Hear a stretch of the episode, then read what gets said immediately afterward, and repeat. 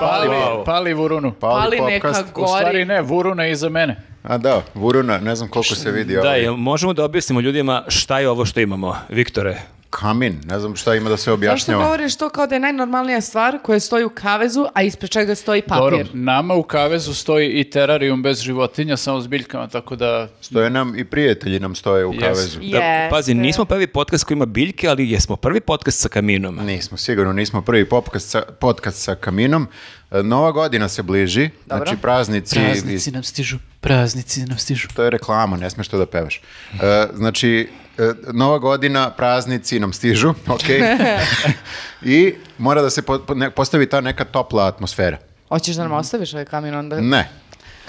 to je poklon za moju ženu. Znači, hoćeš da nas ogreješ, ali samo, Samo malo. je, samo je lik dono ovde da nam napravi zazubice i onda ga nosi kući. Da, da pokaže kako sam ja divan muž, evo, ženi sam kupio, ali to je veštački kamen, ti ja kažem. Ne znam da li si svestan. Ne, to je pravi kamen. Jel on greje? Ovo je prava vatra.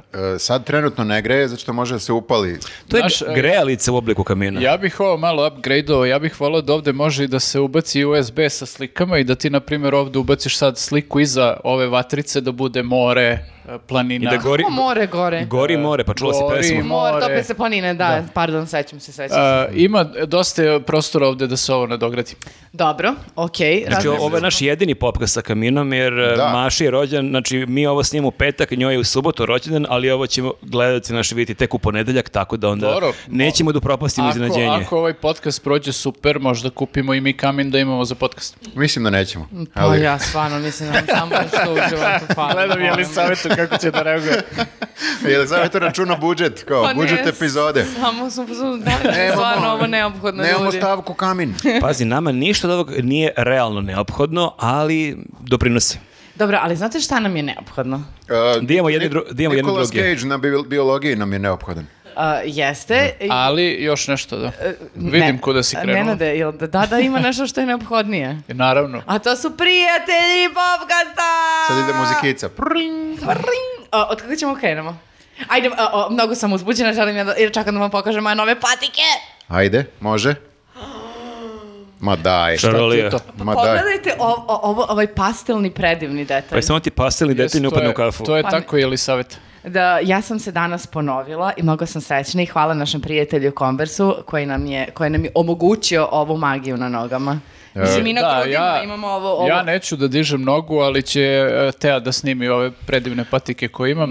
Tegi, ću- e, kažu da se tegiti crno ne slaže kao to je modni no-no. Imam patike koje su tegiti crno i kidaju. Znači, opovrgavaju tu... Da, da, da, ne, o, lagano su stavili te dve boje na jednu patiku. Ljudi, da vam kažem nešto, znači mi smo sad bili u radnji ja, em, i kasnimo sa snimanjem zbog toga što ni, jedva smo iz, izabrali. Ja sam se dvoumila između još jednih džombastih i ovih, Ti si ali se troumila. Troumila sam Da. se, jeste. Zato što ima i neke sa krznencetom, nekim mnogo lepe crne i velikim belim džonom, ali eto, ipak sam odlučila za ovaj pastel. Ja sam isto vidio jedne zanimljive, ali se ispostavilo da su ženske. Pa ja sam jedini koji nije bio u konversu pre ovog snimanja, jer sam došao da ne bih kasnio, pa ću morati posle snimanja da idemo, da sam znao da ćete svi da kasnite, ja bih otišao, ali evo ja ću u sledećem popkastu imati svoje nove patike koje ću tek da odaberem. Pa E. dobro, ali ti imaš e, strip, molim I imam, te. imam, slažem se. E, a Viktore ti? E, a ja sam uh, uzeo patike, ali uzeo sam patike uh, kao dodatni deo poklona uz kamin.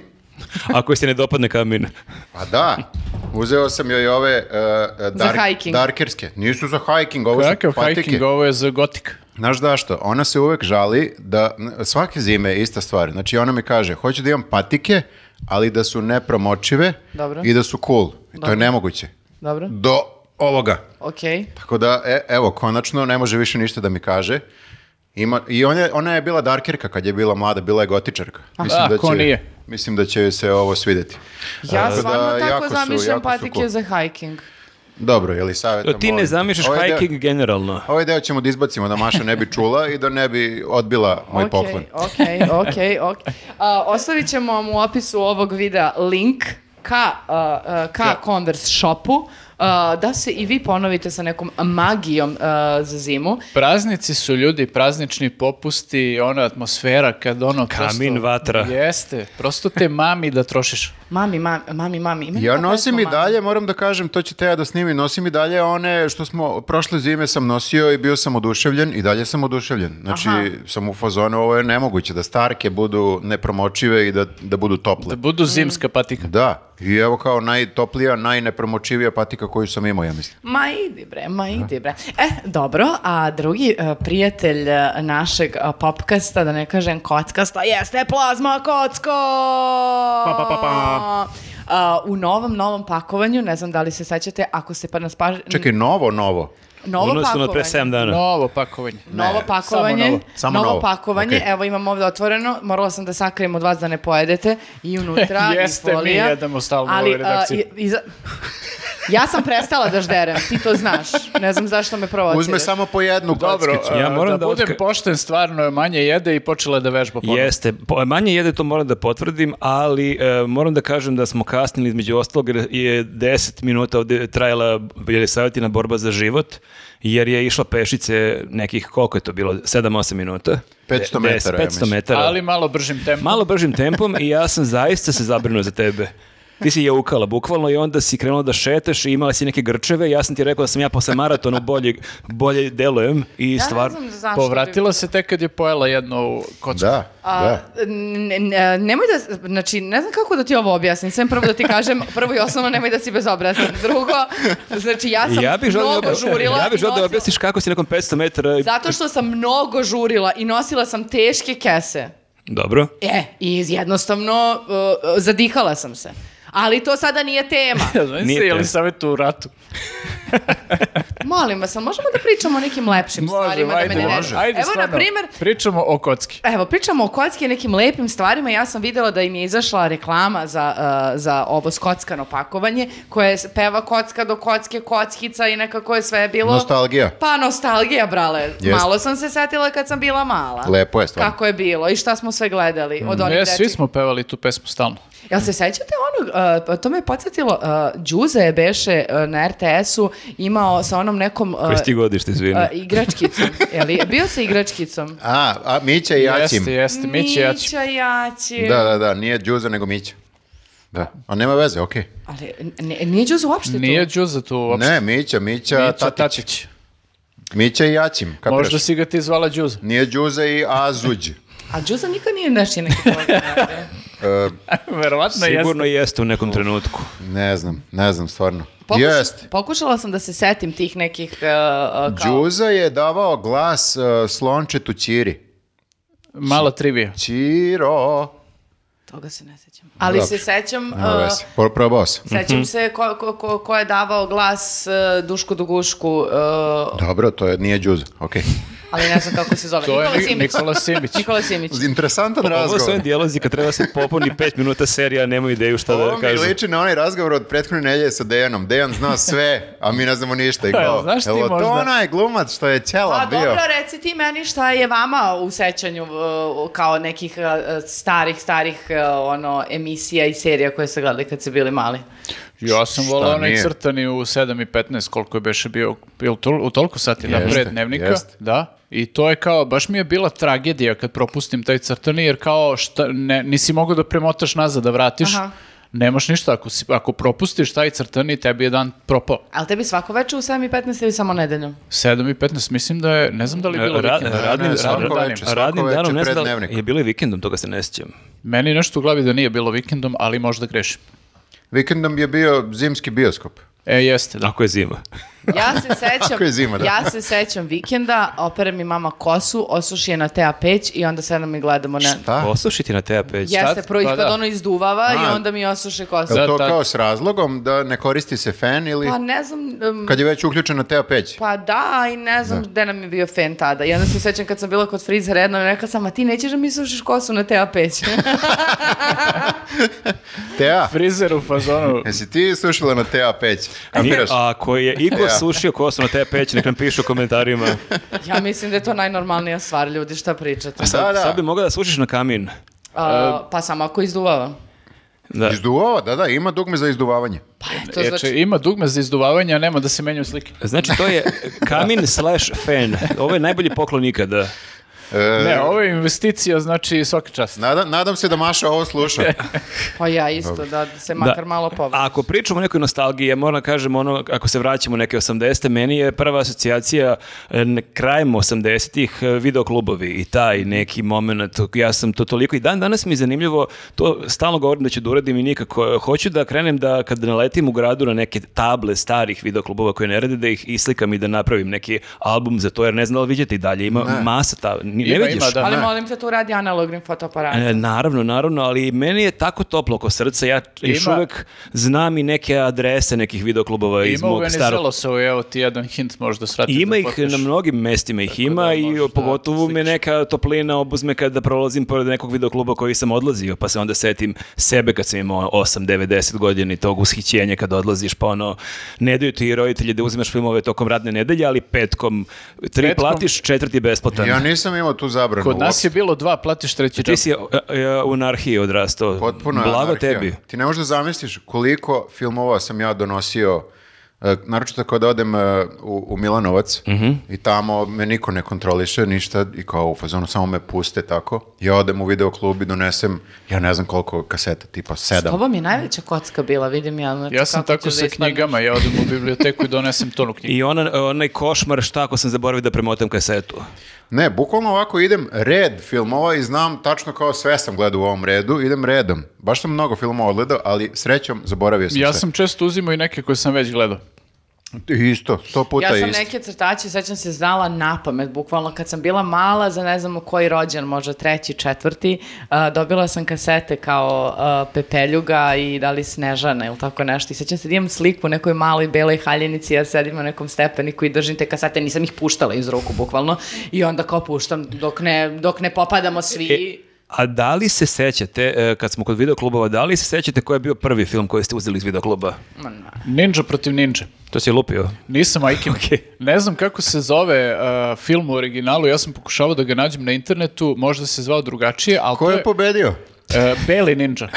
Ali možda bi te razočarao taj film kad bi ga sada E, pogledao. a, e, možda, ja sam hteo da ga nađem da ga pogledam zato što mi je bilo potpuno ovaj, e, fascinantan, ne znam zašto, ali bi, bi bio ta neki serijal filmova ninja, kung fu i sve to, ovaj, tačno su imali neke iste omote, ovaj, samo, samo se slika razlikovala ta neka glavna. Ne možeš mnogo da budeš maštovit kad je ninja u Pa pitanju. jeste, da, ovdje si imao taj moment kao da si imao ovaj, tog jednog belog ninđu koji je dobar, imaš crnog ninđu, imaš, e, ne znam, još njih nekoliko, uglavnom, e, mislim, e, pet elemenata. I sad, ne znam, jedan je žuti, jedan plavi, Su to jedan... rangeri? Ne, ne, ovo su baš ninja i kao svako simbolizuje vatru, ne znam, vodu, ne znam šta. To su rangeri, Nenad, I ovaj, i... Ne, Rangeri su ninja u budućnosti. Jeste, da, to su ninja za milenijalce. Go Go Power Rangers. Da, da, da. Tako da to je bio prvi film. A zašto nema više filmova o ninjama? Ne znam, ninja su izašli iz mode. Mislim da su ispucali ma, sve moguće, to. ovaj, Pa, kako bih Mike, rekao. znaš, Michael Dudikov je snimio sve što možeš da snimiš Jeste. na temu Ninja i onda kao, ovaj, što bi iko radio posle toga. M- Meni je prvi film, to je prva dva filma, tačno se sećam, e, da sam uzeo Rambo 2 i posmrtna želja 4, Death Wish. Si imao godinu. Uh, devet. A vidiš, Ali mi- za, za Rambo 2 Kako se taman. seća. Ali mi je, sećam se, sećam se zato što je meni dan kad sam dobio video, to je bio jedan od najsrećnijih dana mog detinjstva. Ja sam dve godine to želo i mašto i pola moje ulici imalo i onda ideš kod drugara da gledaš film i smaraš majku kad ćemo mi da kupimo, a to je tad bilo nešto sumano to skupo.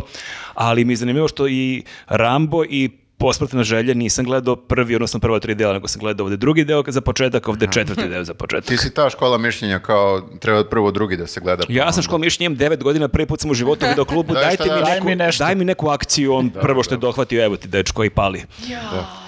Lepo. Ja Lepo. ne sjećam se stvarno, zato što je toliko bilo filmova da teško je sad vratiti film koji je prvi. Ne znam, ti si stvarno. bio nenavođeni Ali voleo, voleo sam uh, one uh, trash komedije, to se sećam. Šmokljan i uzvraćaj udarac. Da, i da, taj, da, da. taj tip koje bi danas ne bi mogle da budu snimljene stvarno, jer su vrlo Ima dosta takvih filmova, da. Vrlo su problematične, znači te, šta se tada smatralo humorom. Mhm. Da, da. I dobro sam, stvarno sam dobro ispao, šta sam sve gledao. Relativno. Mm, o, mislim, kakvih ima. Pa okej da, dobro. A okej. nego, šta smo mi gledali ovako u životu, da ovih dana, nedelja? To ja vas zapitam, hoćemo od serija. Može. Hoćemo, uvek, Ajde. uvek imamo tu dilemu. Pa šta si ti gledala? Hoćeš ti da počneš? Jo, ja sam gledala Decu zla. Ajde, dobro, ja ću se uključim, tu gledao sam ja. Što sam se ja nasekirala? Ja sam gledao prvu epizodu sedam puta. Koliko je dobro. ne mogu, ne mogu, nisam uspeo do druge da dođem. Ja. Ne zato što je loša, izvini, samo na, nastavit ćeš, ti ćeš Ne, ne, pravi prikaz. Ali ja sam, ja počinjem, Maša i ja počinjemo da gledamo i nešto se desi, nešto moraš detetom ovo ono, prekidam. A ovo je Iz onaj deo popkasta kad se Viktor žali kako ništa ne stiže. Jeste, da, da, da. Evo neću više, to je to, ali jako je smešno zato što znamo neke scene bukvalno na pamet. Koliko puta A smo čekaj, a što ne nastavite gde se stali? Pa nisu ne znam odgledali- tačno, znaš, kao, zato što je popustila je pažnja, nismo mi to ni gledali tačno, ono, slušali smo više jer smo gledali nešto drugo i onda kao moram da vratim i tu scenu, ali zapravo je znam, jer sam je čuo. A vidiš, to je super što je serija Deca zla i vas dete prekida u gledanju serije o Deci zla. Jest, s tim što je to dete dobra, Jeste, Ostatak dete. nisu odgledali, ali prvu su doktorirali. ono. bukvalno. Ja, e pa ovako da vam kažem, ja sam Ajde. krenula da gledam, na primjer, u petak i pogledala sam par epizoda, možda dve, tri. I onda u subotu uh, ja sam do pola devet uveče u goloj vodi sedela kod kuće u pidžami i gledala... Bilo ti vruće? Ne bre, sekirala sam se, pa sam se, znaš, ono, napeta pa ruke mokre, preznojavala i tako to. Ulazi Sandra, moja drugarica, mi treba da idemo na neko piće sa još nekim prijateljicama i ona ovako me gleda i u fazonu je, ja ću da sednem ovamo, tamo kod kuhinje, za sto, samo da ne prilazi meni, kao, samo ti završi to Čekaj, ti svoje. baš preživljavaš serije. Da, zar me ne poznaješ? Da, da, ali nisam baš zamišljao da si baš toliko se Da si unela u baš seriju. liku, liku seriji. Pa kako, nisam ja lik u seriji, ali, brate, nasekirala sam se, dosta je tu napeto, ko će da preživi, Znači, ko je ubica. Pozitivno, To je- pozitivno, što se Pozitivno, tebe tiče. vo- vozite onako sve vreme, mislim, ti e, ne znaš ko je, vrlo je zakukuljeno, otkrije se jedan, ali onda je to samo jedan trag koji me vodio sve vreme na drugu stranu, ja sam sve vreme mislila da je to jedan drugi lik. A reci mi, uh, uh, prva epizoda kad se poredi sa drugim epizodama, je li bolja ili gora? Ne, ja sad ja uopšte ne mogu ni da govorim o Dobro, epizodama, dobro, da, ja mogu dobro, samo dobro. da govorim o celini, Dobro. jer sam ja to gledala u cugu. Dobro. I stvarno, mislim, uh, ima, uh, ima naravno stvari koje mi se manje i više sviđaju, u smislu da su neke uh, scene nekako manje utegnute u odnosu na druge. Mislim da su neke, ne- Mhm. neki likovi, neki, neke dijaloške scene do jaja odrađene, neke su mi onako malo, malo manje, kao da sad... ali to više mogu da nekako prenesem na reditelja u smislu da nije vratio glumce da kaže ajmo sad još jednom pa samo malo drugačije. Da ne U, šta si mu bolje. rekla sad, čovječe? Ali- Možda je to U- bila njegova vizija, baš U, tako šta da ću ispadne. ja tek da kažem? Pa da, uh, sve u svemu mislim da je Raša, do- uh, Raša odličnu ulogu napravio, on igra tog glavnog lika koji je advokat, uh, koji prvo odbija, kasnije odluči da ipak preuzme slučaj i da brani tog okrivljenog uh, u- za ubistvo. Uh, onako ima i tog malo okultnog koje mi je simpatično, zato što nije otišao previše u to, ali opet ima, Dozirani horor. do, do, tako je, dozirani horor. U Uh, smislu, uh, nije stvarno na kraju nadprirodno. Uh, pa nije. Ili, ne, ili bi spoiler bio. A, nije, nije, nije nat, natprirodno, Okej, ja, nema Dobro, ali nemojte da otkrivate šta je na kraju. Neću, neću, Ne, neću. nisam mislio da otkriješ kraj, nego samo Svi- kao gledam dokle se ide sa... Tebi ako spojili drugu epizodu, ti si u paklu već. Da, me, a, svi, da, svidjelo Pa mi da, se... više, više je to onako nekako, kako bih nazvao, uh, narodno magijsko. Okej, okej, Znaš, dobro, nije, dobro. nije čak ni okultno u tom nekom klasičnom smislu. Dobro, dobro, A, dobro. S jedne strane mi je cool kako su prikazali taj politički aparat korumpirani i tako dalje koji je toliko simplifikovan. Mm, Ne znam da li baš to tako inače funkcioniše, ali... Da, ja mislim da funkcioniš tako. Da, ali... Pa pazi, Majić je sudija, tako da on verovatno je dosta u toku šta se tu dešava Da, i za kako to ljude sve koji izgleda. ne znaju, Da. deca zla rađena po knjizi Jeste. Majićevoj. I ovo je prva e, serija naša na HBO, ako se ne varam. Jeste. Moguć, Moguće, da. Da, i stvarno mislim da je onako, uh, kako bih rekao, vizualno to uopšte da se ne postidi. Mhm. da, A je li bolje u odnosu na ostale naše novije serije ili je taj neki kvalitet kad bi uporedila sa... Šta znam, mislim, ja ne, nisam pogledala sve pa da bi sad mogla da kažem, u odno, ali na primjer i Tajkun mi je onako pristojno urađena serija, ali izgleda to onako vrlo profi. E sad, ima naravno stvari koje su mi onako neh malo, ali u globalu mislim da je da nije serija s kojom bismo se postideli i mislim da e, Milica Janevski je napravila, ona igra tu ulogu tužiteljke, mlade, stvarno mislim da je pokidala ova e, Milica Mihajlović, ako se ne varam, stvarno ova ploćenje zla, kao i Ljuba Bandović, nema kao nekih ono korumpiranih a, ljudi u institucijama koje sada muljaju sa strane i kao to mi je na primjer super. Čak mi je na neke trenutke i Cvijanović izašao iz li- lika e, Mileta protiv tranzicije i to baš u trenucima kada sa Rašom igra, ima ta neka scena gde su oni na splavu i da se da pričaju, ali to vidiš da nije u kao službi same radnje, nego u, u službi razvijanja priče i kao li, obogaćivanja likova. Znači ne gleda u kameru i ne viče, a Ne, i kao, baš vidiš da je ono super scena u kojima, e, u kojima je postignuta ta hemija između dva glumca, da ti vidiš kako Raša njega gleda sa osmehom i puno ljubavi dok ovaj e, izba- izbacuje neku foricu i čak mislim da je to bila i neka da nije ni kao... Improv. Da, da, da, da. A, I užasno je napeto, to hoću da vam kažem. Dobro, znači, dobro, dobro. a, to mi se... o tebi malo treba da bude užasno napeto. Jeste, stvarno moram da se ogradim oko toga, vrlo je moguće da vama možda neće biti, meni su živci onako za, zategnuti, meni samo malo uradiš i ja sam u fazonu sad Ti odkažem. si idealna publika. Da. Jeste, jeste, jeste, jeste. Tako da, eto, uh, mislim da se, ajde ti pa možda se nadovežemo ako sam nešto zaboravila. Uh, da, meni nije bilo baš toliko napeto. Uh, prva epizoda mi je katastrofa potpuno bila dok yes, sam gledao. yes, znači druge su bolje. Uh, i, uh, Ne, druga ba- je totalna katastrofa. da, Čekaj, jel ide, jel ide ka boljem? E, znaš šta, ja sam nastavio da gledam seriju i gledao sam je do kraja, tako da legle su tu malo te neke stvari na mesto koje mi u prvoj nisu bile jasne uopšte zašto su takve, prvenstveno u prvoj možda bih rekao gluma većine ljudi mi je čudna, E, dijalozi isto, e, imaš e, Nikolu koji je Janicu dobro, dobru u, u kadru i ti napraviš tu scenu da bude neprijatna, koliko oni loše glume ili šta se tu Šta desilo. kao reci to i u kom smislu loše glume? Ne Samo je znam, samo, je- izveštačeno. samo izveštačeno, kao da si uzeo ljude koji to nikad nisu radili, razumeš, i kao stavio si ih i kao, kao ajde odigraj to. E, i meni je to isto zasmetalo, ali mislim da je e, i, e, i Aničin lik i uh, Kojen lik kasnije su dobili, malo su se Jeste, slegli. kasnije se to malo sredilo, ali nekako ja ne znam da li je to taj manir tih e, serija kriminalističkih koje su kod nas počele da se snimaju i koje se snimaju sad već neko vreme, da li je to samo pokupljen taj manir takve glume i takvog izgovaranja teksta, E, meni to ne leži uopšte, moram da priznam. Ja- Znači, ja još, mis- još od ja e, ubica da je- mog oca pa da. nadalje. Ali nije, ali nije isto kao Ubice mog oca. Ubice mog oca nekako nije, kako bih rekao, možda je prva sezona bila Da. E, u tom fazonu, a posle toga je nekako malo štancovanje bilo. Mislim, ne znam, nisam gled- ni gledao posle. Da.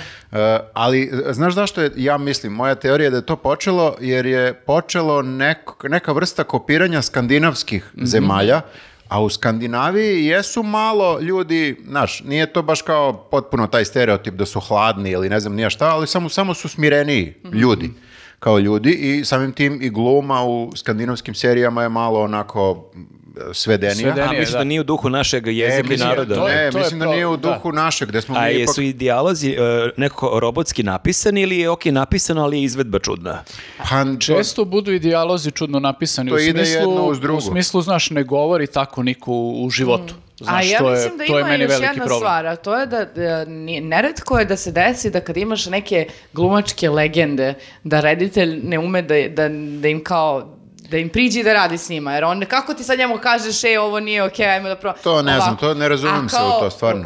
Znaš, oni Ali- krenu u svom, Tre- kako oni hoće, kako su oni to zamislili, onda je na tebi da ti dođeš i kažeš, e, okej, to tako, ali ajde sad probamo Dobro, ali ima ona priča da je ovako. Stanley Kubrick, dobro, i, doš, i on je još veća legenda kad je radio s Tomom Cruiseom i Nicole Kidman, Eyes Wide Shut- da je neku scenu vraćao od nekih 30-40 puta. Ne, ja mislim preko 100. Mislim da je neki rekord oboren, da, je- da, je otprilike se i posvađali, tako da E, pa mislim da što nije problem da ti kažeš ej, ajmo ponovo. Pa mislim da nije problem, ali on je ako... bio lud.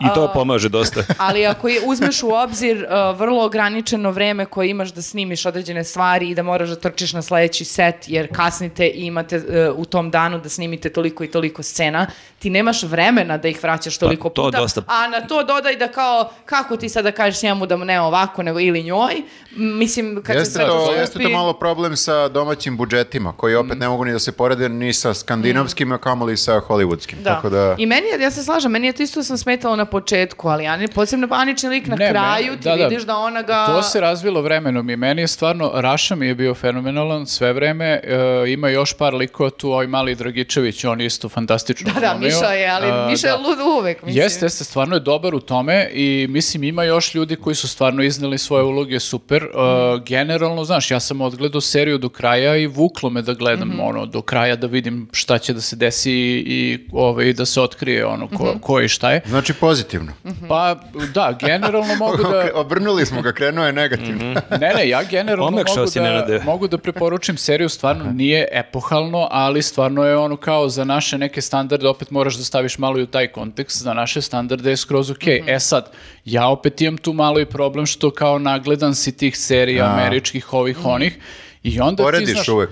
Porediš, ali malo mi je čudno, na primjer, ja ne znam, nisam čitao knjigu, ne mogu da kažem, ali malo je čudno koliko su često te neke uh, scene koje su ono kao ovaj, uh, vezane za pravni deo i to, ili za istrage i to, malo mi to po- povremeno bude dosta banalno. Ja, ali to smo baš pričali, čini mi se, e, ja sam čitao knjigu kad je izašla, ali nisam gledao seriju, ali mi se čini da je e, čovek koji je pisao je sudija i on je krivičar i on je u Zato- toj materiji zato i čini mi zato se... mi je čudno. E, ali ja baš mislim obrnuto, ja baš mislim da je on verovatno iz svog iskustva video da često neke banalne stvari mogu da prelome neke presude i to je verovatno bacio u knjigu da ne otkrivamo sad koji je tačno detalj, a mogući da je to verovatno realan scenario koji on vidio x puta u životu, a verovatno smo se mi malo razmazili, navikli na neke spektakularne obrte i neke otkriće koje niko ne bi mogao da posumnja, pa nam je ovo malo, eh, kao, nije ništa posebno. Čini mi se da možda ima Pa taj ne, ne, moment. ne mislim samo na taj detalj konkretno, vidjet će ljudi šta je u pitanju, nego generalno na nastup e, ljudi u sudnici, znaš kako oni iznose slučaj, to ne izgleda tako, to je toliko nekako kao da je, baš mi ne deluje da je to pisao neko ko je toliko stručan za to. Znaš, on, malo su mi ti dijalozi onako tanki, kao da A je hteo, stvarno tako? kao da je hteo možda da to uprosti do maksimuma da baš svako ko gleda razume ono, ovaj, da... možda to i jeste bio cilj, ali s druge strane ja nikad nisam bila u sudnici, hvala Bogu, a, pa onda, mislim, možda je to i stvarno tako. Znaš, ne znam. Ne, ali mislim nije, znaš, imaš baš momente gde ovi neki likovi bukvalno za tim govornicama u sudnici spaljuju neke fraze ovaj, koje ti, znaš, kao A dobro, zar te, to brate, nisu ovaj. fraze koje te nauče advokati kad izađeš da b, odgovaraš na pitanja da bi kao, kao ne, ključne ti reči. ako imaš slučaj, imaš konkretne stvari koje pričaš za slučaj, ne pričaš e, fraze koje možda čuješ na televiziji, znaš. Mhm. To mi je malo čudno onako bilo, tako da ovaj, tu mi je onako nešto, e, možda smo se malo razmazili navikli Mhm. na te američke serije ili sad nordijske, koje su kao to, ono, svi su doktorirali te Mhm. stvari. Ali, mislim, ja sam sad ono pominjao i gledao sam i ovu seriju, ono i dokumentara što Mhm. sam pričao, ovaj, M- Making a Murderer.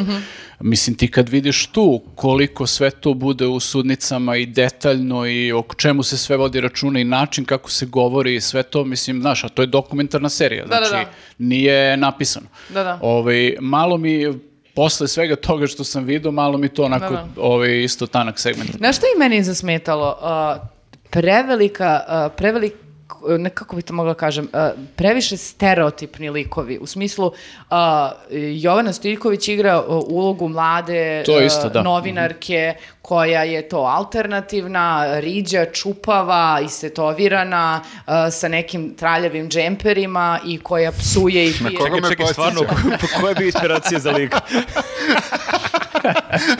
Kupaju second handovima.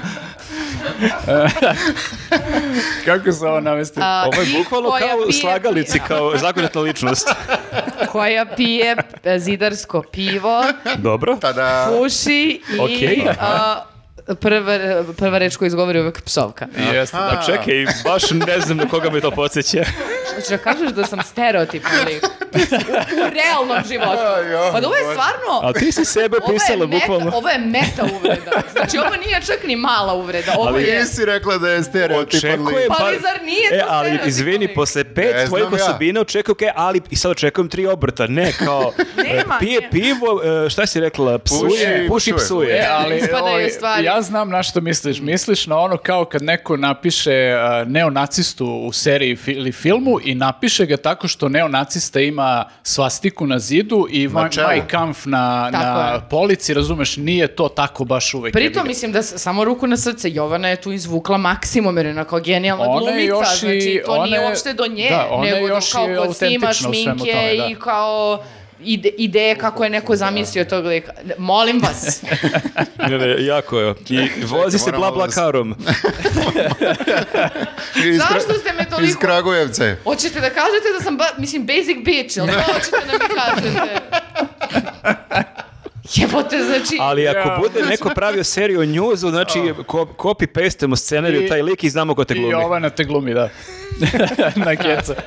Neću. Dobro, da je. kompliment, čoveče. Kompliment. Šta je kompliment? Zato što... Da sam stereotipan lik. Po tebi, se pra, po tebi se prave likovi u seriji, ej. Nisi, ti si inspirativan lik. Pazi, Ka, kad bi neko napravio po meni nekog lika, a po tebi se ovo pravi a likovi. da li ima mnogo takvih kao što si ti?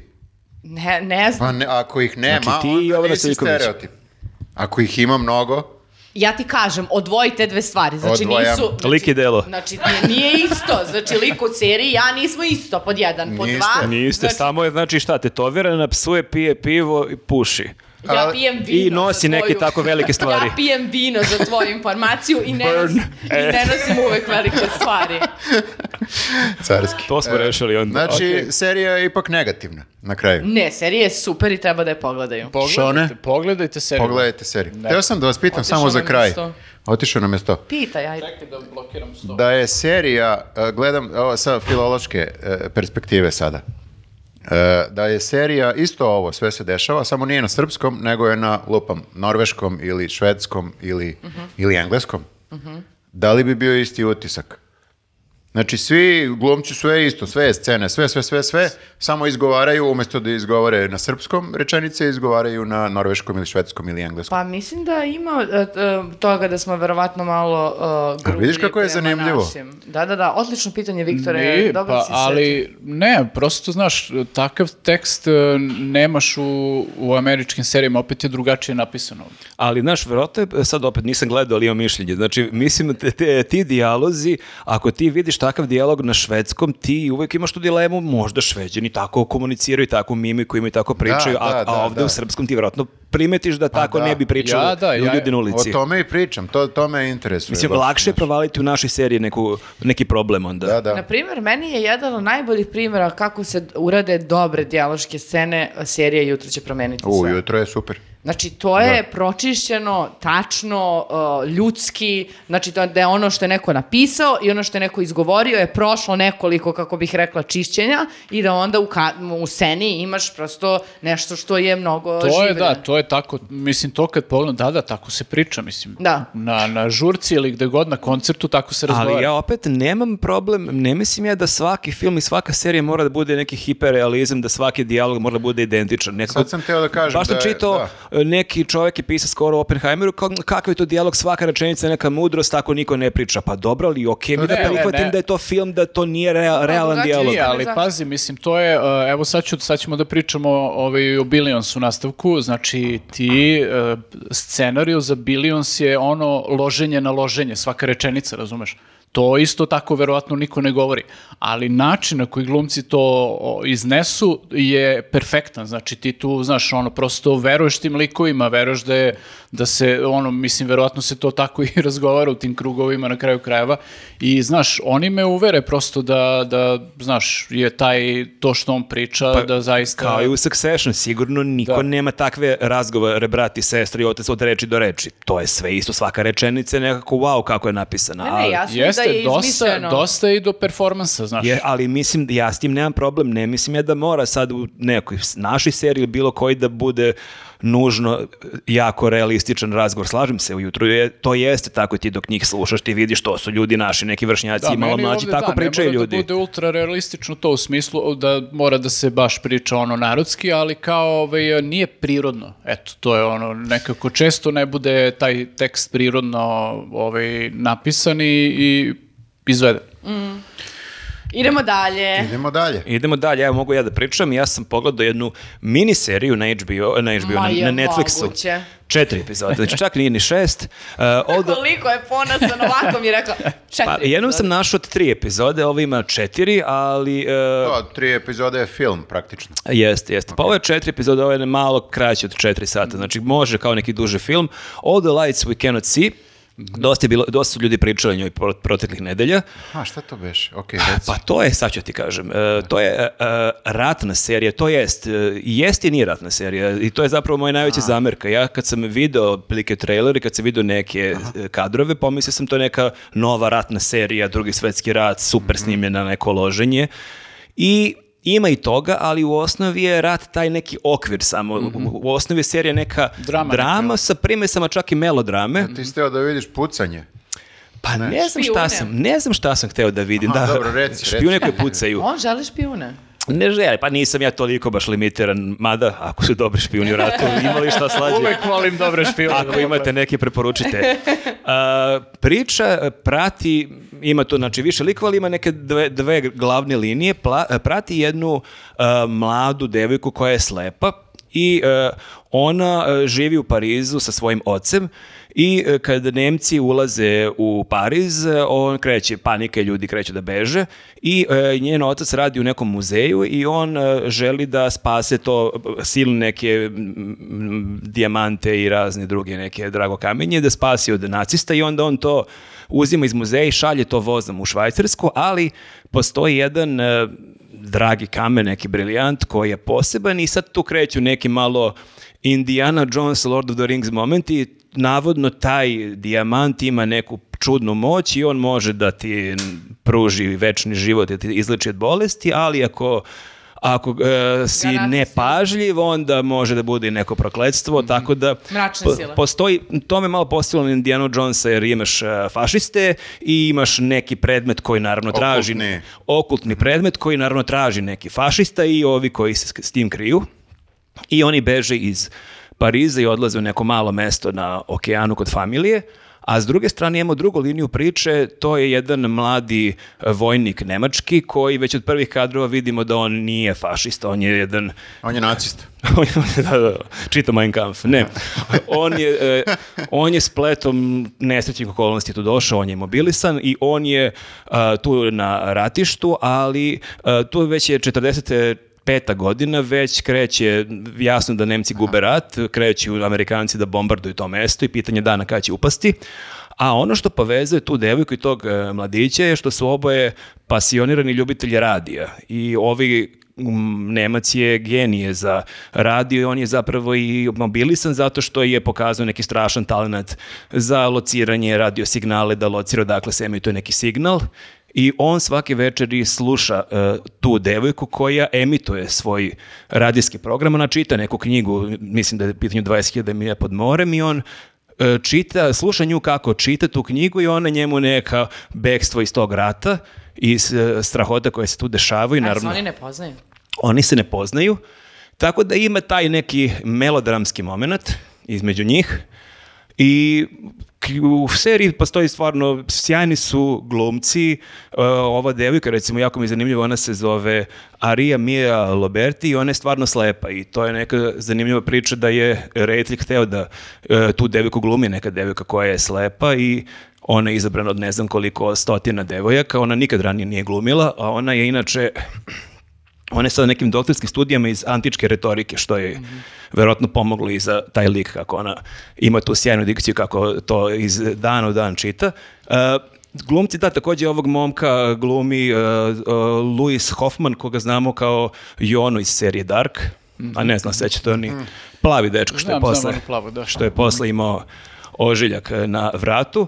I tu su još i Hugh Laurie i Mark Ruffalo, tako da su sjajni neki glumci. E sad, ono što je meni malkice tu, postoji razni, znači tu neke rupe u cijeloj toj priči i a, ako ćete nešto a, realistično da posmatrate celu tu seriju, dosta toga ne funkcioniše baš na pravi način, ali recimo između ostalog, oni svi pričaju na engleskom, ali što pričaju na engleskom, nego što oni bez problema, Nemci i Francuzi komuniciraju kao svi tu sve razumeju perfektno, kao malo taj deo možda nije baš razrađen, tako da Ima četiri epizode, može se pogleda, e, lepo snimljena, ali ako očekujete neku ratnu seriju, nije to svakako. Pa dobro, malo. Dobro, da. Da zvuči zanimljivo. E, miniserija, takođe. Evo i ja sam našao miniseriju. E, šest epizoda, ako se ne varam. I u pitanju je e, glupa komedija, parodija. Mike Myers. Mike Myers e, je pisao i njegova je ideja za celu priču. Zove se serija Penta, Pentaverate. Pentaverate, pen, Pentaverat.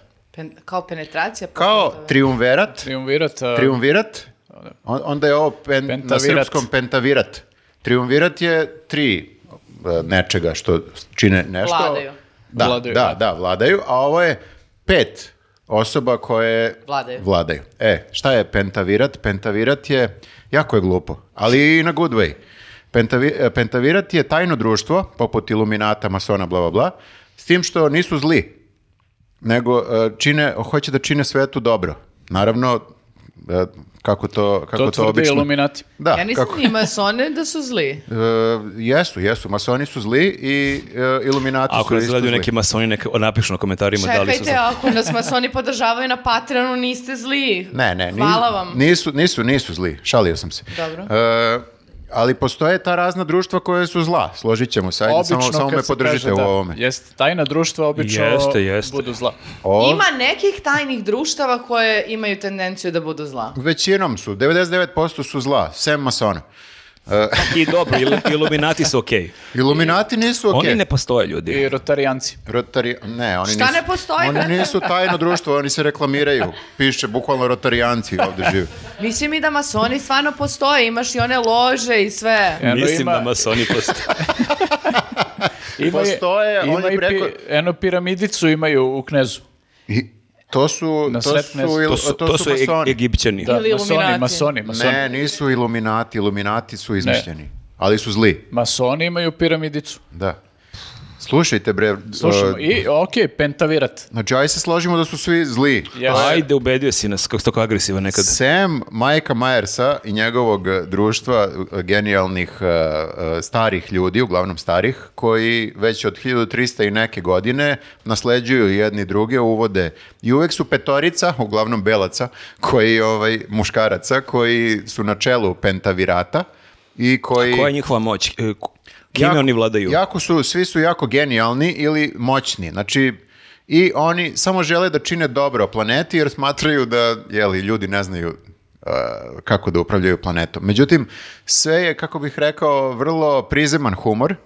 Mike Myers on je pisao celu seriju, znači možete da očekujete onako prizeman humor, but in a good way, opet kažem, znači prizeman, strava humor. E, Evo, navešću jedan primjer. Prizeman strava. Počinje serija, po- da, počinje serija tako što uh, jedan od pentavirata umire. Nije spoiler nikakav, verujte mi. Ja da, da spojlujem celu seriju, ništa ne bih uh, Dobro. uništio. Uh, I sad moraju da nađu novog da ga zameni. Kako ga nađu novog da ga zameni? Tako što kidnapuju jednog genijalnog uh, lika, nekog naučnika, koga igra ovaj iz uh, Key and Peele. Znate Aha, Key and Peele? znam, znam. Ovo je... Jordan. Ne, ne, ne, drugi. Drugi. Ali manji. Veći. Aha, okej. Mešam uvek Pan, koji je koji. pantomime, ne znam. Key, ja mislim da je to Key. Okej. E, on, on ga igra i odjednom on se budi i, i shvata da je kidnapovan i ne zna šta, o čemu se radi. Oni ga dovode u uh, sedište svoje tajne organizacije gde sede jeli, e, ti genijalni, genijalna četvorica koji ga upoznaju sa tim šta sad on treba da radi, da je on sad deo. On je protiv toga, ne želi da bude, mene ste kidnapovani, šta radite? E, I oni mu kažu, mi smo lažirali tvoju smrt, ne brini ti, ne možeš da se vratiš uopšte kao da živiš. I Kao Sad ne si brini, naš- mrtav si. da, i kao kako, kako, kako sam poginuo? Kao, ne brini ništa, sve je kao vrlo uverljivo. I sad vidiš kao naslove u novinama. E, poznati naučnik je poginuo tako što je e, pokušavao da odradi challenge Kiss the Star. Challenge Kiss the Star je novi challenge koji, se- koji se širi internetom, a to je da ljudi, ljudi pokušavaju da poljube svoj anus. Ok, to je baš Mike Myers. Čekaj, I samo dok- da te pitam nešto, je li to i u stvarnom životu forica kao ili uh, uzeli su trend pa da ga rostuju ili ne? Mislim da ne postoji, ni- ne, nisam barem vidio. Nismo čuli do sada. A ja nisam na TikToku, ne znam. Nikad nisi po- pokušao da poljubiš svoju zvezdu. Ali ako vidiš da više ljudi kreće na jogu, znači da taj challenge da jeste prisutan. Ej, šta hoćeš da kažeš, znači, sada time? U svakom slučaju, a, a, to je taj nivo humora. Znači, on je, lažirali su njegovu smrt tako što je on slomio vrat dok je pokušavao da, jeli, Da, kiss the da. star. Kakva smrt. Da, tako da sve je Jedna onako od najlepših smrti, rekao bih. dostojanstveno, rekao bih. Na, naučnički. naučnički dostojanstveno. I eto, to je taj nivo humora. Mike Myers igra, za sada sam izbrojao, nisam odgledao do kraja, za sad sam izbrojao jedno, ne znam, nija, 7-8 uloga igra e, tu. Mislim, to uvek radi. Čekaj, to je neka novija serija. I, e, Prošle godine. Aha, a A gde? gde? Netflix. Da. Tako da, eto, ne mogu da garantujem da će svima da se svidi, ali ko voli, mislim, već sam rekao da sam odgledao sve glupe komedije koje postoje, jel tako? Tako da ko voli... A i o videoklubovima si pričao šta si kao dete To, gledao, to, na to tako, sam, im- pa da, na to sam tako. im mislio, na to sam im mislio, znači moj ukus je formiran jako davno. I za mene više nema šanse. Da, I ti, zakucanje. Da. E, od mene je preporuka, ja gotivim Majka Myersa, znači ko gotivi Ostina Powersa i sve što je radio Mike Myers, e, ovo će, ovo će mu biti jedan kroz jedan. Pa super. Eto, Nenade? lepo. lepo, iz the star. Ja sam pogledao... da razmišlja kao, šta, ako bih se savio više, pa možda bi mogao. Prikazano je u seriji e, nekoliko ljudi koji pokušavaju da poljube na, na razne načine. A je li neko uspeo? Pa uvek do- dolaze blizu, dolaze blizu i tu se prekida, znači ne znam ovaj... Da, ne znaš da li je moguće Da, da. stvari. E, to su to ostavili da kao probajte ako... Ovaj, Postavili su da nešto o vašoj mašti. Da. E, ja sam pogledao posljednju epizodu uh, Billionsa, Sezonu. sezonu, to je da, i epizodu. ovaj, O kojoj nećeš pričati. e, neću da pričam naravno, mislim bilo bi ovaj, baš, e, šta god da kažeš zapravo bi bio spoiler. Pa da, da li, da li- da li su na kraju trillions ili millions, to jedino može da bude. u Jeste, smislu da. li je uspelo ili nije uspelo. E, pa Nemam pojma, nisam gledao. Iznervirao si ga. Ne znam, Samo nisam hvatio gledao, mikrofon. ne znam o čemu se ne, radi uopšte. razmišljam, razmišljam, uopšte se nije završilo na taj način, ali da, ovaj, Dobro. Uglavnom, e, mislim, ta serija je onako bila dosta zanimljiva e, zato što je tih prvih nekoliko sezone baš bilo onako maestralno, e posle, mislim, za mnogima je bio pad kad je došlo do zamene ovog glavnog glumca, ali e, sad nekako, mislim, i meni je bilo onako malo čudno kad je došlo do toga, ali sad kad su završili ovu posljednju sezonu i kao kad je sve to onako zaokružena priča, sad sam u fazonu, ok, sad ću vjerojatno da gledam ponovo iz početka sve, zato što nekako i taj deo gde ovaj, imaš ono izostanak glavnog glumca nekako do- dobija potpuno A, drugačiji ko- neki Pošto ima kontekst. dva glavnog glumca, tužilac ili ovaj bogataš? Ne, ne, bogataš. A bogataš. Boga- Koliko ima Gataš, sezona, izvini? Šest. Aha, šest, okej. ovo je posljednja šesta. Uglavnom, e, ovaj, baš je onako, e, nekako su prilično dobro gradili priču u ovoj posljednjoj sezoni, e, gde, ne znam, ovaj sad dobija, jel te, o, taj novi milijarder koji ušao u priču, dobija sad neke političke aspiracije kako to obično ide. I ovaj, prosto u početku tih prvih nekoliko epizoda onako ide sporo i umeju oni to da uspore radnju i kao da, da, da kilave i ti si uznao, ja, dobro, šta sad radite? Ovaj, ali onda i onako malo ovaj, su to vre, kroz epizodu u epizodu ubrzali da bi poslednje ono tri epizode recimo bile potpuno ludilo i to kao pos, naročito poslednje dve zapravo. E, I mislim tu stvarno bukvalno šta god da kažem bi bio spoiler. Ti si gledao nešto, jesi Pa ja sam tek počeo da počeo gledaš? prvu sezonu, možda sam pogledao tri epizode i početak je stvarno ludilo, ali aj reci ljudima ukratko o čemu je ako nije ništa gledao. Uh, serija je prosto o toj nekoj brokerskoj, mislim brokerska, oni su zapravo upravljaju financijama jednoj firmi i uh, tu glavnu ulogu glumi Damien Lewis, uh, ovaj, jako je dobar u, u toj ulozi, baš ovaj, ne znam ko je još bio na castingu, ali ovaj, čini mi se koga god drugog da su izabrali za, za tu ulogu da bi bio ono dosta slabiji. Da, on je glumio u Homeland i gde još glumio? E, ne znam da je još, još, mislim, posljednje vreme je dosta aktivan baš ovaj, ali ja ga pamtim isto iz Homelanda najviše. Uh, E pa da je ovaj, glumio u ovoj špijunskoj seriji koju sam gledao, Aha. u Kimu Philbyu što sam pričao pre nekoliko Aha. podcasta, da. Ovaj, uglavnom, uh, on uh, je lik koji je jako inteligentan, mislim, uh, genije praktično možemo da kažemo za te stvari, uh, jako je beskrupulozan uh, i uh, prosto ima, ima neki svoj, neku svoju onako ličnost koja je prilično zanimljiva.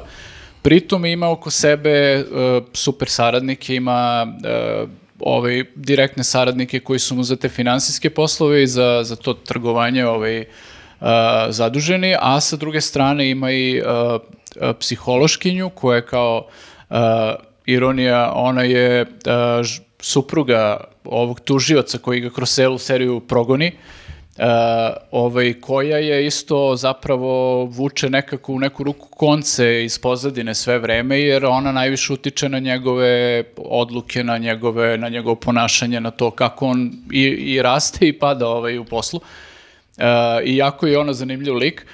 I, ovaj, uh, I sad uh, on prosto je takav naložen je maksimalno na taj svoj posao i želi da, da ono uh, bude najbolji u tome i jeste najbolji u tome s tim što naravno ono kao ceo Wall Street i cela ta finansijska uh, zajednica, a pričamo o finansijama na nekom ono top level nivou, znači to nisu čak ni ljudi koji uh, izađu na, na berzu pa trguju uh, ne znam, ovi uh, akcijama, uh, njemu se direktno javljaju ljudi koji hoće da, da kod njega drže te svoje asset, asset se to zove, to je portfolio, zapravo ne znam nija kako, kakav je ovaj izraz kod nas. Uh, znači, daju mu praktično svoje pare i kažu evo obrni ovo Pare, i radi pare, to je da. iznos kod To nas. je asset, da, pare. Lova.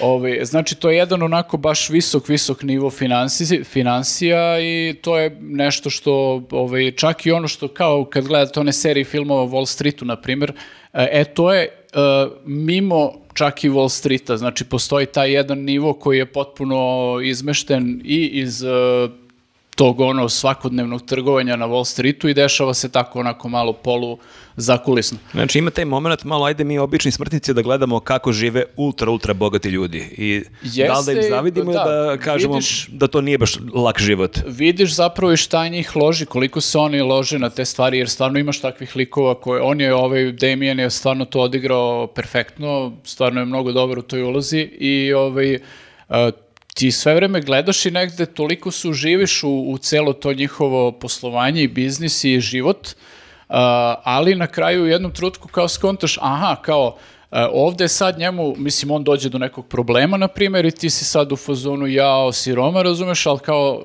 ovaj, onda pomisliš, aha, o- ovde je samo pitanje da li će iz ovoga da izađe sa 5 milijardi gubitka ili sa 20 milijardi gubitka, znači nije uopšte ono kao... o, potpuno- Teško se identifikuješ sa njima. da, da, teško, ali mislim ti se identifikuješ, ali kad se vratiš na tu početnu ono poziciju da kao to su samo neki ultra bogataši koji se igraju, onda ovaj, se ponovo vratiš kao malo se resetuješ. Uh, u jednom trenutku, znači, Damien odlazi iz serije uh, i nasleđuje ga, ovaj, ne znam, ne mogu se setim imena glumca, ali koji onako donese potpuno neku malo drugačiju energiju. On je sad isto jako ambiciozan, isto je jako lud, ali on je lik koji se od ovog, uh, ovog razlikuje po tome što je njemu stalo da ima dobar uh, javni uh, imidž, da, da njega ljudi percipiraju kao dobrog samarićanina, lika koji brine o zajednici i sve to, a zapravo je jako zao. Znači, on nije uopšte dobar lik, samo želi da se tako predstavi, ima tu svest da, da treba da izgleda dobro u javnosti, a ovaj je samo tako beskrupulozan i u fazonu je, ne, meni je okej da me se plaše.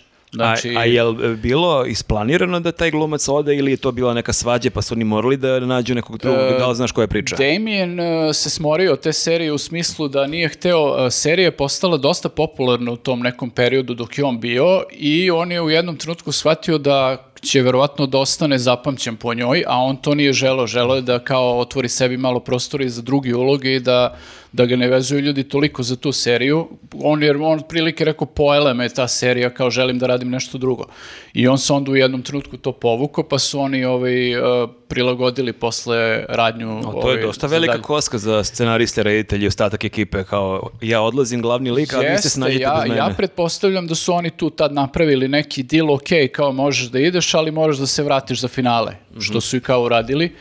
I, ovaj, I moram da kažem samo taj detalj ono, ovaj, eh, iz finala, stvarno ne mogu ništa da spojlujem, eh, to je neverovatno kako su se okrenule stvari, znači on koji je, mislim to mogu da kažem, zato što je negde se i, ovaj, eh, nagoveštava su ranijim sezonama, taj tužilac koji, koji ga je progonio sve vreme mu je bio za vratom, oni će na kraju da dođu do toga da će sarađivati. Wow, pa sad se dosta. Ne, nije uopšte spoiler tog tipa, znači to je nešto što kao ovaj, ti... I onda će ako- da ga ubije on u posljednjoj epizodi. Ne, ne, nije spoiler uopšte ovaj, da, da pokvari bilo šta. Ovaj, zato što postoji, uh, for, ono, stvorit će se jedan viši cilj uh, koji će jednom i drugom da bude kao bitan da, da ga ostvare.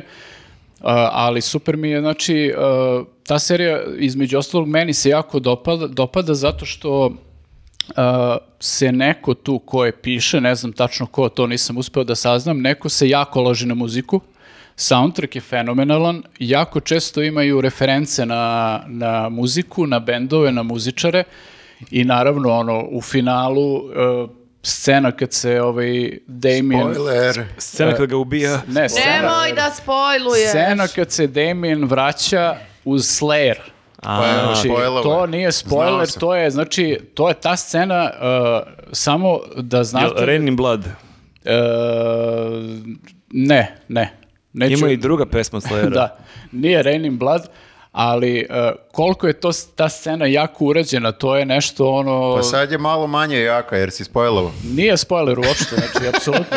Dve škole mišljenja. Ne, ne može sve da bude spoiler, jebi ga. Znači, može, može, veruj mi. uh, ne Nekim može, ovo, ljudima... ne, ovo nije spoiler. Ko- Neki ljudi su previše osjetljivi na bilo šta da kažeš. Ova scena je uh, tako... Nastavlja. Scena, Znači, ulazi u sobu, s leve strane si ne, na kauču. Scena je tako... Sestra je ubica. Scena je tako napravljena da ćete da je premotavate, to vam garantujem, zato što je ovaj, tako snimljena Misliš da je, unaprijed da već ljudi znaju šta će se desiti. Da. tako da, eto, ovaj, preporuke za, za Billions, isto je ložačka posljednja sezona, ta, ovaj, kao što je bila i ono tokom... a, oni, naročito kad je Damien bio još prisutan, znači ta posljednja sezona opet su vratili to isto loženje i tu ima dosta tih kao ovaj, nekih momenata gde e, tih motivacijonih govora i sve to, mislim, ko je počeo da gleda seriju zna da je dosta seriju u, u takvim dijalozima. Ja moram kažem, počeo sam zaista kasnim jedno 7-8 godina i možda sam ih hteo da sačekam da se završi, da vidim jel nije neko razočaranje, ako je dobar kraj, ja vidim po komentarima da je dobro završena, da su ljudi zadovoljni i onda sam krenuo da gledam i moram da kažem da prva epizoda prve sezone je jedna od najboljih prvih epizoda prvih sezona koje sam ikad gledao, stvarno. Bolje od Losta. E, davno sam to gledao, da. Davno, Dobro, ali, ne. Meni, ali- meni jeste, da, meni jeste. Mislim, baš je, e, to prva sezona je prejaka, znači od, počeo od prve sezone pa do kraja cele Mislim, sezone. podsjeća malo na Succession. Ko je volao Succession, Jeste, velika je šansa da će ja voleti ovu Ja sam seriju. nekako isto vreme, slično vreme počeo da gledam i Succession i, i Billions i da, to je taj neki vibe, samo je malo drugačija tematika, ali Pritom ja jel, nikad ne znam kako se zove ovaj drugi glumac, ovaj tužilac. On je, ne znam ko je, ili ne znaš kako se zove Ne možda. mogu se setim On sad glumi u imena. filmu Sideways, koji je jedan od A, meni omiljenijih ok. filmova i nekako, i kad god ga vidim, nekako bude mi drago i on često glumi u nekim jako dobrim on filmovima. je fantastičan lik i znači o, njegova uloga je stvarno pored uh, Damiena i pored Wendy, ove psihološkinje, ono, to je jedna od najjačih uloga u, u seriji, mislim, ono, jedna od glavnih u ostalom. Mene su, izvini, mene su često odbijali thumbnailovi za Billions. Znači vidim Billions i vidim da je, znam da je popularan. Neke sve. zajebane, elegantne ljude. Ne, ali nekako, ok, zajebani, elegantni I onaj ljudi. zlatni font. Da, nešto mi je tu bilo kao u fazonu, ovo je ko neka dinastija, lupam, ili tako nešto. Da, malo ti je onako delovalo kao sapunica neka. Malo kao sapunica mi je delovalo i ali očigledno i ali mi iskaču inserti, ljudi šeruju reelse, shortse i tako to i u, vidim da je po reelsima samim vidim da je nešto do jaja, ali nikako da krenem da gledam. A jako mislim, ja mo- možda imaš problem kao ja, pogotovo što sad stvarno imaš manje vremena. Ja kad vidim da ima to 6-7 sezona po 12 epizoda, Malo. baš se Da. plašim da uđem u taj projekat. Ima i toga, ima i toga. Ali u startu me, znaš, sećam se toga iz, iz, iz pre, što kaže, 7-8 godina, iskočilo mi to i kao, što, kako je ovo sranje. Ali da. Nije, nije super, je, mislim, pogotovo što od ti momenti, ovo što, što sam pomenuo ovo za Slayer, to su momenti koje ti imaš u celoj seriji gde imaš ono neku jako ložačku scenu gde tako ubodu muziku da, da je zaokruže muzikom, da podvuku, da je to ono fantastično, stvarno i takvih primjera ima u seriji milion, stvarno je neko ko se jako loži na muziku i ko poznaje ono ultra dobro svašta, pisao scenariju i baš se to A dobro, na tome lepo se vidi. dosta uh, polaže sad u posljednje Jeste, vreme, još jeste, i Peaky, Peaky drago, da. Blinders i ti često imaš sad te Pa momente da jeste, ubaciš i neku... da, The Stranger Things recimo Jeste, isto jeste. dosta muzika igra ovaj, ulogu bitnu, tako da sve u svemu meni je ovaj, Jan mrzim kad pogledam seriju i kad ostane nešto da visi ili da nije lepo zaokružena priča ili Znaš, vidiš da su budžili seriju da bi ono zaradili još nekih para i... Nisu imali ideju zapravo kako će biti kraj pre nego što su počeli. Da, da, da, To, to ne volim kad vidim, ovde nekako su uspeli to sve, znači, ali uh, uspeli su tako da uh, bukvalno nekako zaokruže priču za svakog lika, nisu, nisu prepuštali ono ništa slučaju da kao se ti ostaneš i da pitaš kao, e, šta, šta je bilo s onim likom, što je meni super. Ka, pomenuli smo Lost, znate kakav je to raspad bio Pa što da, se toga e, pa tiče. to je najbolji primjer onoga da nisu znali kakav će biti A kraj. sećate Prison Breaka, kako su tek tu isforsirali Jeste, tri da, sezone. da, da, da. da. Kao sad smo u zatvoru, e sad smo van zatvora, e sad smo opet u zatvoru, a sad smo Jeste, opet van da. zatvora. Kao, dobro ljudi, ajde dogovorite Jeste, se. Da, Lost je meni bio tragedija, zato što je toliko dobra serija generalno i kao što je više gledaš bude tu baš onako dobro i otvore ti milion ovih tema i ubace milion ovih likova i onda niko od tih e, likova i tema ne, ne dobije do kraja zatvaranje, samo ostane sve da visi. Tako da Tebe je Slayer kupio zapravo. ovaj, ne ta scena, je, znači to je bukvalno ono, znaš, ko iole voli muziku, ne samo, ne, ne moraš čak ni da voliš metal, ali ta pesma je tako ložačka i ta scena je tako napisana da je potpuno Sad loženje. se setio, e, kad Baš je onako da se naježiš. spomenuo Slayer, e, se sećate u Natural Born Killers kako je dobro ona scena kad kreće pobun u zatvoru uz bomb track koji kreće oni uvod rage Da, da, da, i kad da, kreće da. na rokanje on uzima sačmaru i kreće E, puca da, na da, policiju. Znači evo sad je- se naježio kad da, se da, toga e, setio. To je taj nivo. Kad, Kad baš se poveže bodu- pesma, da, da. Jeste, kad baš u bodu ono soundtrack za, za neku scenu, to Znači i je, ovdje isto uzme sačmaru. ne uzme sačmaru, ali kao isto je loženje. Tako da eto, Dobro. ako ovaj, ko nije gledao Billions, neka uzme da gleda, ko je gledao ostatak serije, neka pogleda finale, stvarno fantastično. Ali to je, čekaj, to je sedam sezona, kažeš? E, ili šest? šest, Šest, to je nekih 70 sati treba da odvojiš ili 60 sati, baš... Pa recimo, da. Znači, jedan jači vikend. Pa treba, Ako si treba. gledala e, Decu zla za Treba dan i po. vremena da se izbinđuje, ali sa druge strane dobro je za ljude koji ne vole da ono čekaju novu epizodu iz nedelju u nedelju, nego kao imaš završenu seriju koja je dobra i ono možda da izbinđuješ za nedelju dana. Pazite, to je robija, ja da vam kažem. A sad ću da vam objasnim zbog čega. Ja sam vam rekla pre dve nedelje da gledam Game of Thrones. Da. Verujte mi ljudi, ja sam ove nedelje do, do četiri ujutru gledala to kao, iako znam šta će se desiti, ali ja sam na trenutku bila u fazonu, bože, samo da završim ovu seriju, više nikad neću. Pa, ja, ona je najbolja serija na svetu za mene, ali ti ne možeš da prestaneš to da gledaš, jer A ti znaš da ima još. A jel imaš još. onaj moment da si karakter kažeš evo večeras gledam dve epizode i to je to, kako god da se završi idem da spavam. Pa, e, imala je nekada, nekada, ali kako je krenula stvar od e, ono treće, četvrte sezone da se onako baš komplikuje i pumpa, tako je i moj, e, e, moje, moje granice su bile popustljivije i E, popustljivije. Izvini, samo da kažem, znaš što mene ukanali što se toga tiče tog s- samodiscipline? To što odmah ide nova epizoda Imaš sama. šest sekundi da skočiš, da Jeste, ugasiš. da. I kao krene i ja u fazonu, aha, Ajde dobro, da ajde vidim kad je kako će da reši ovo, pa aj sad, da. Da, Ja mislim da su oni to namerno stavili. Namerno da su radili. Zlikovci. Ne, da se zaustavi epizoda, ja bih ustao lepo i otišao bih u TV i nešto Vratio drugo bi se svom životu. Ne, ovdje nemaš opciju, ona je krenula. Nema, što nema, radiš. nema, nema, i ne možeš da prestaneš i kao vidiš da je četiri ujutru i da ću sutra da budem nikakva, ali kao ja samo prosto ne mogu, da- ove nedelje sam je završila, verujte mi, osjećam se oslobođeno, sedim kod kuće, u Ne znam šta da radim sa Sedim sobom. kod kuće u tišini fazonu sam, bože, kao, koliko Šta da vremena radim s rukama? imam. Srećom imala si vremena za decu zla. Tako, ne, decu zla sam pauzirala pre, prethodnog vikenda, A, to, zato što okej. me je toliko privuklo da sam morala. Dobro, ili idemo na filmove? Idemo. Ajmo. Ajmo. Ajde. Znaš, kao... A, uh, klapa. A, kao novi segment. A, wow. bravo. Šta se Sad ćemo desilo? da lupamo stalno. Baš si nas izvozala. nekako, nekako mi je Ne, ne, unijela si neku, neku živinu, Neku neku, živinu. neku hijerarhiju. Pa jeste malo da se... Evo, ovako. Ajde. A, Što ona priča, ljudi? izvini, prsa sam malo. A, Gledala sam Game of Thrones mesec Ne, evo, dana. evo ti dokaz da nisi stereotipni lik. Znači, niko se ovako ne ponaša. Hvala. Ne postoji dve osobe koje se ovako ponašaju. zašto? Sad? Tebe, to- te- jel to dobro tebe ili loše? saveta ne čine tvoje tetovaže. Mislim da te vređa sad. Ne. Eto, izvukli smo se malo. Ej. Ne, nisam. Hvala Viktori, legenda. Čak i vaše pohvale deluju kao uvreda kad se posmatraju iz drugog Nisu, ugla. majke mi ti kažem, evo. Nije, samo, si mi samo rekao- pravite neprijatne pauze. Ne, samo si mi rekao, bukvalno se niko ne ponaša kao ti. Da, da, Pa da. nisi možda je malo uvreducna Na to. Pa Dobar čekaj, način. hoćeš da budeš stereotipan lik ili unikatan lik? Nemo. I, da se, I ti se uvrediš za oba Ne, opisa. ja samo ne želim da budem stereotipna, ali sad ne moram Unikatna da budem si. neka specijalna devojčica. Ne, Devojčica. ja si bih ga- posebna. Specijalna si. Ajde, ajde. Hvala ti. Da. Znači, slušajte me, gledala sam film o jednoj veoma specijalnoj ženi. Kada to kažem, stvarno baš jeste specijalna žena. Znači, u pitanju je a, plivačica koja je bila ma, um, imala ta maratonska plivanja a, i osvajala silne a, nagrade kad je bila mlada. Šta su maratonska plivanja? Pa dobro, te plivaš ono od La Ne Manche. plivaš Ono u kad- bazenu. Kad plivaju rekom i... Jeste, La Da. Manche je preplivala, ja mislim, plivala je oko Manhattana i uh, Mhm. sa 28 godina, uh, Nijed se zove film, uh, prema, ona je, glavna glumica zove Diane Nijed, ona je po, mislim da je po njenom memoaru i snimljen film, uh, i o, nju zatičemo za njen uh, 60. rođendan, Uh, gde ona već 30 godina se ne bavi plivanjem zato što je u 28. pokušala da prepliva od Kube do Floride i nije uspela i kao rekla je povlačim se, ne mogu više. I uh, u jednom trenutku ona odlučuje da uh, ipak krene opet da trenira, da pliva i da pokuša opet to da uradi.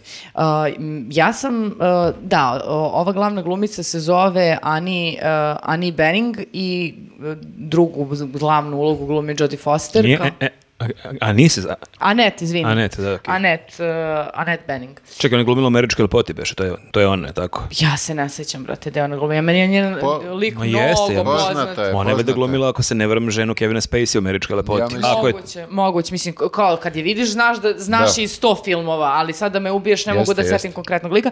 I glumi ovaj, em, kako se zove, uh, Rhys Ifans, znaš onog lika s plavom kosicom engleskog, ja mislim, glumca, Mhm. Koji glumi... uh, u filmovima, a tipa glumi u Notting Hillu onog ludaka što se skida A, znam, okej. znam, znam. Eto, eto, eto. Da. I ona u jednom, e sad, znači ona u jednom trenutku kreće da okuplja ekipu i sada uh, ona ima kroz film nekoliko pokušaja da prepliva od Kube do Floride. Koliko tu ima? Uh, 166 km, ja mislim. Majku ti. Treba da joj 52 sata bez prestanka da pliva. 52 sata. Ja mislim, Čoveče. u proseku. Ali mora da se odmori malo. Može da pluta, i Pa može, to. ali ne može da se uhvati, ni za što, znači niko ne sme da je pipa, ne sme da se uhvati za brod ili tako nešto, znači može da nastavi da pluta samo. I sada, e, da vam ne spomenu koliko pokušaja, ona je imala nekoliko pokušaja e, da e, prepliva to. Prepreke su naravno bile nenormalne struje koje su na tom potezu, koje imaš od golfske struje do raznih drugih ono, oluje i ostalih vremenskih nepogoda. Imaš problema sa ono fucking ajkulama kojih ima raznih vrsta na koje ne ilaziš na tom putu i naravno imaš gomiletine uh, meduza koje su i smrtonosne. I ono što nisam znala jeste da uh, kad te op- opeče valjda meduza, ti ne, nije kao da Treba si... da piškiš na to. Jeste. Ne, nisi imun na to, nego ako te opeče sledeći put opasnije je. A, okej, okej. Pa I ne, kao, to, da, nisam ni ona mislio je da došla u postaješ situaciju, znači ona je, op, ne znam koja je, sada ide to ne... Čekaj, to su neke posebne meduze ili... Jeste, jeste, jeste. Znači, e, ta, oni su... Unikatne su. one Ove kod nas meduze nisu takve, mislim kod nas u Oni regionu. su preveli to Kuba meduza, ja mislim tako. To su stereotipne kuba meduze. Uh, ne, Tetovirane. to su neke užasno opasne meduze koje, sva sreća, je ona tu preživela taj put, a inače mogla i da umre. I sada, ono što je, da sad sad ne objašnjavam, mislim, ako po, pogledat ćete film ili... Ako hoćete gledati. Pa ne, nego sada im ne prepričavam ceo film, jer nije mi to toliko bitno. Koliko mi je nekako uh, super film, pre svega ova glumica je pokidala tu ulogu i Jodie Foster sa, Jodie Foster sa njom nekako kao uh, druga snažna ženska figura. Ono što je užasno zanimljivo i što je važno za ovaj film jeste činjenica da nekako daje tu uh, perspektivu i novu nadu za ljude koji pređu 50. 60. godine. Jer je ono u fazonu, brate, ja neću da me živo sahranjujete, kao, hoću da se bavim time, ovo je moj san, imam pravo da pokušavam da ga ostvarim, dokle god ne uspem da ga ostvarim. Sad što je na 62, ona je uspela sa, da ne kažem ni to s koliko godina, Ali kao Ali us- uspela. uspela je. Ali fucking je uspela. I e, znači sad ti da nađeš sisteme kako da, e, kako da preplivaš a da te ne ubiju meduze, kako da oteraš ajkule a da ne plivaš u kavezu i tako dalje. Treba da udariš ajkulu pesnicu. To sam Tako kažu.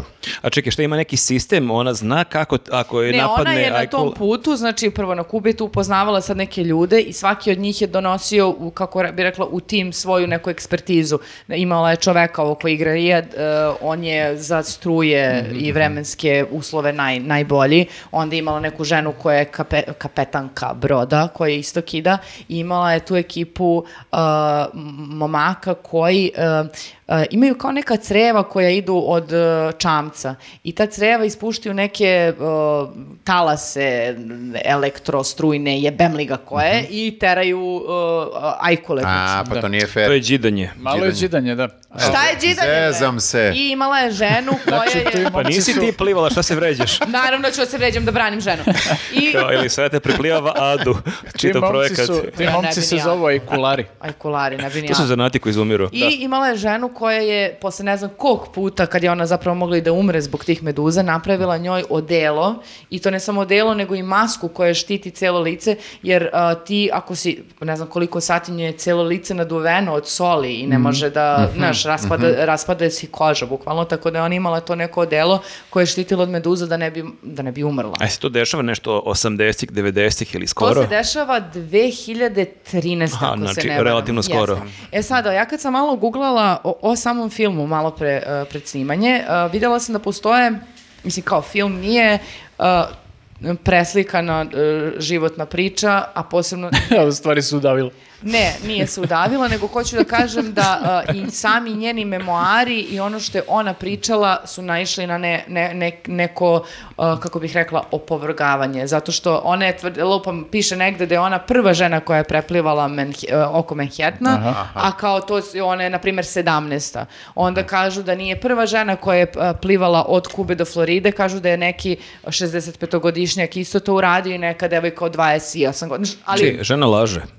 E sada, ja nisam Bio je naravno... neki slovenac koji je bio jako dobar u tome, zaboravio sam kako Da. se zove. Mislim, uh, kako bi rekla, uh, nisam se dovoljno udubila sada da bi mogla da kažem šta je tačno, šta nije, jer bi morala mnogo da istražujem, ali uh, čak i da sve i da Dobro, je to mislim, da, tačno, to- činjenica da je nakon 30 godina odlučila da se vrati tome i da trenira i da istraje i da ne odustane nikada, iako su, uh, ne sad ne znam da li je to u filmu ili da li je to zaista tačno, ali ljudi su bili u fazonu, brate, odustajemo više, mi ne možemo da volontiramo ovde s tobom, jer on je sad nije bila kao Da, ovi aj, najpozna- aj, aj kulari u fazonu ne mogu više Ne da se mogu, bavimo. brate. Stigo mi info, i moram da ovaj platimo čovek nečeg. što se bavi strujama i vetrovima, bolestan, razumeš, on je i umro nakon toga, mislim, baš je ono Ma dobro, da, zajebano. ne, nevezano mislim za to kao ko je prvi, to kad svedeš to na njenu neku ličnu priču, Da. To i dalje Da, i ako je dobra treći, priča ako je šesta, da, strašan je uspeh. To Da, je više, znaš- da, borba sa samim sobom. Kako ne, jer ti kao, one pričaju da od, posle ne znam koliko sati ti doživiš, da ti doživljaš halucinacije. Ti više, mislim, ona kao dok pluta, oni joj daju na crevce da pije vodu i da jede i ne znam šta već,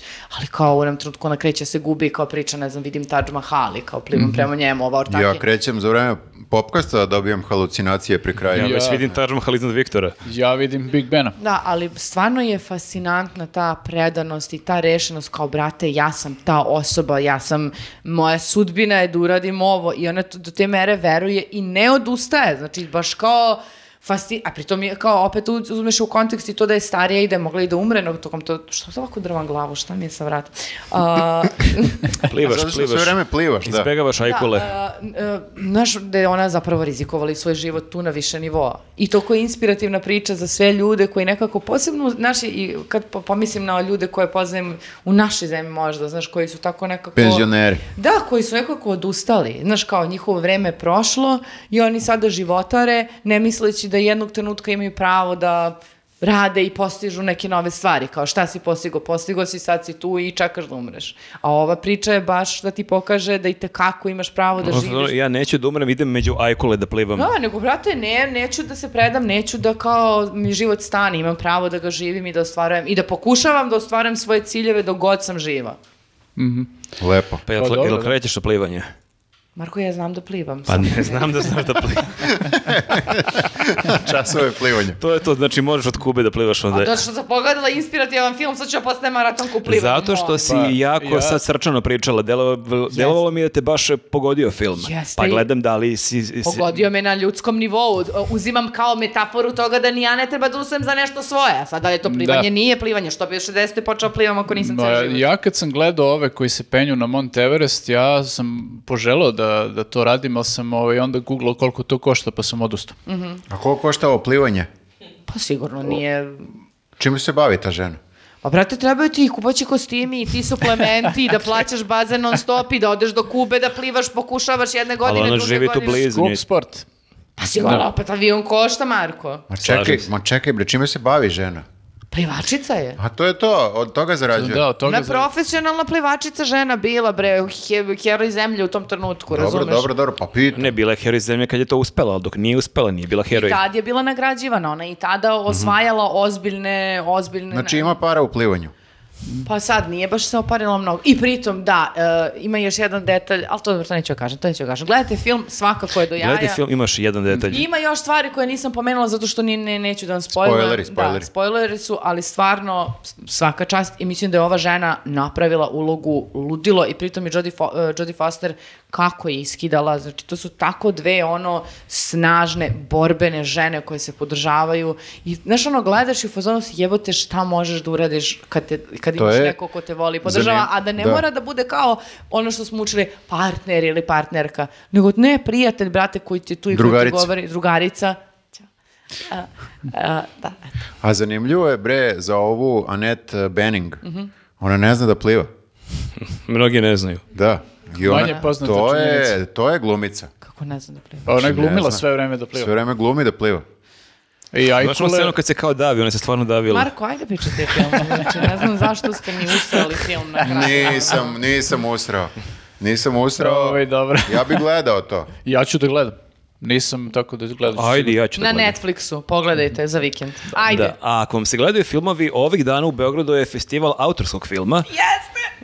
wow, smo ushićeni opet, jesmo. Jesmo. A, jesmo, dakle, ako ovo gledate u ponedeljak ili utorak, festival traje do petka, tako da imate još nekoliko dana da pogledate neke sjajne filmove i bacite pogled, zaista, možda na prvi pogled to nisu neki poznati, neki reditelji širim masama i neki poznati glumci, ali tu zaista ima ovako silnog bis, silnih bisera.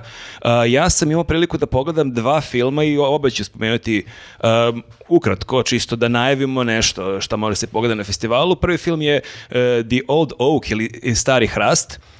I to je jedan e, britanski film, e, reditelj je Ken Loach i A, on je poznat. jeste, on je poznat, pritom on je 30 i neko godište, on je i, i pritom e, nekoliko poznatih filmova koje je snimao, je snimao posljednjih 7-8 godina, dakle on baš ovako, apropo je da se lepo nastavi ova priča, dakle kad čovek pređe neke godine, nije to kraj, neko pliva, neko snima silne filmove i ovo je jedna jako lepa i topla ovako ljudska priča i potresna koja u početku, četku, ča- u početku čak ima malo i humora, a dešava se u jednom e, malom mestu e, na severu Čekaj, Engleske. se prekidam, kako si gledao film kada danas počne festival? E, pa, Kradeš? kradem zato što sam video, pa moram da najavim neki Sad film. si, sad si ga ofirala. Pa Da, ja da sam- ću da najavim film, ali ga nisam gledala. A e, Pa dobro, ali ne mogu da izmišljam o čemu se radi, bolje ga pogledam prvo nego da e, improvizujem.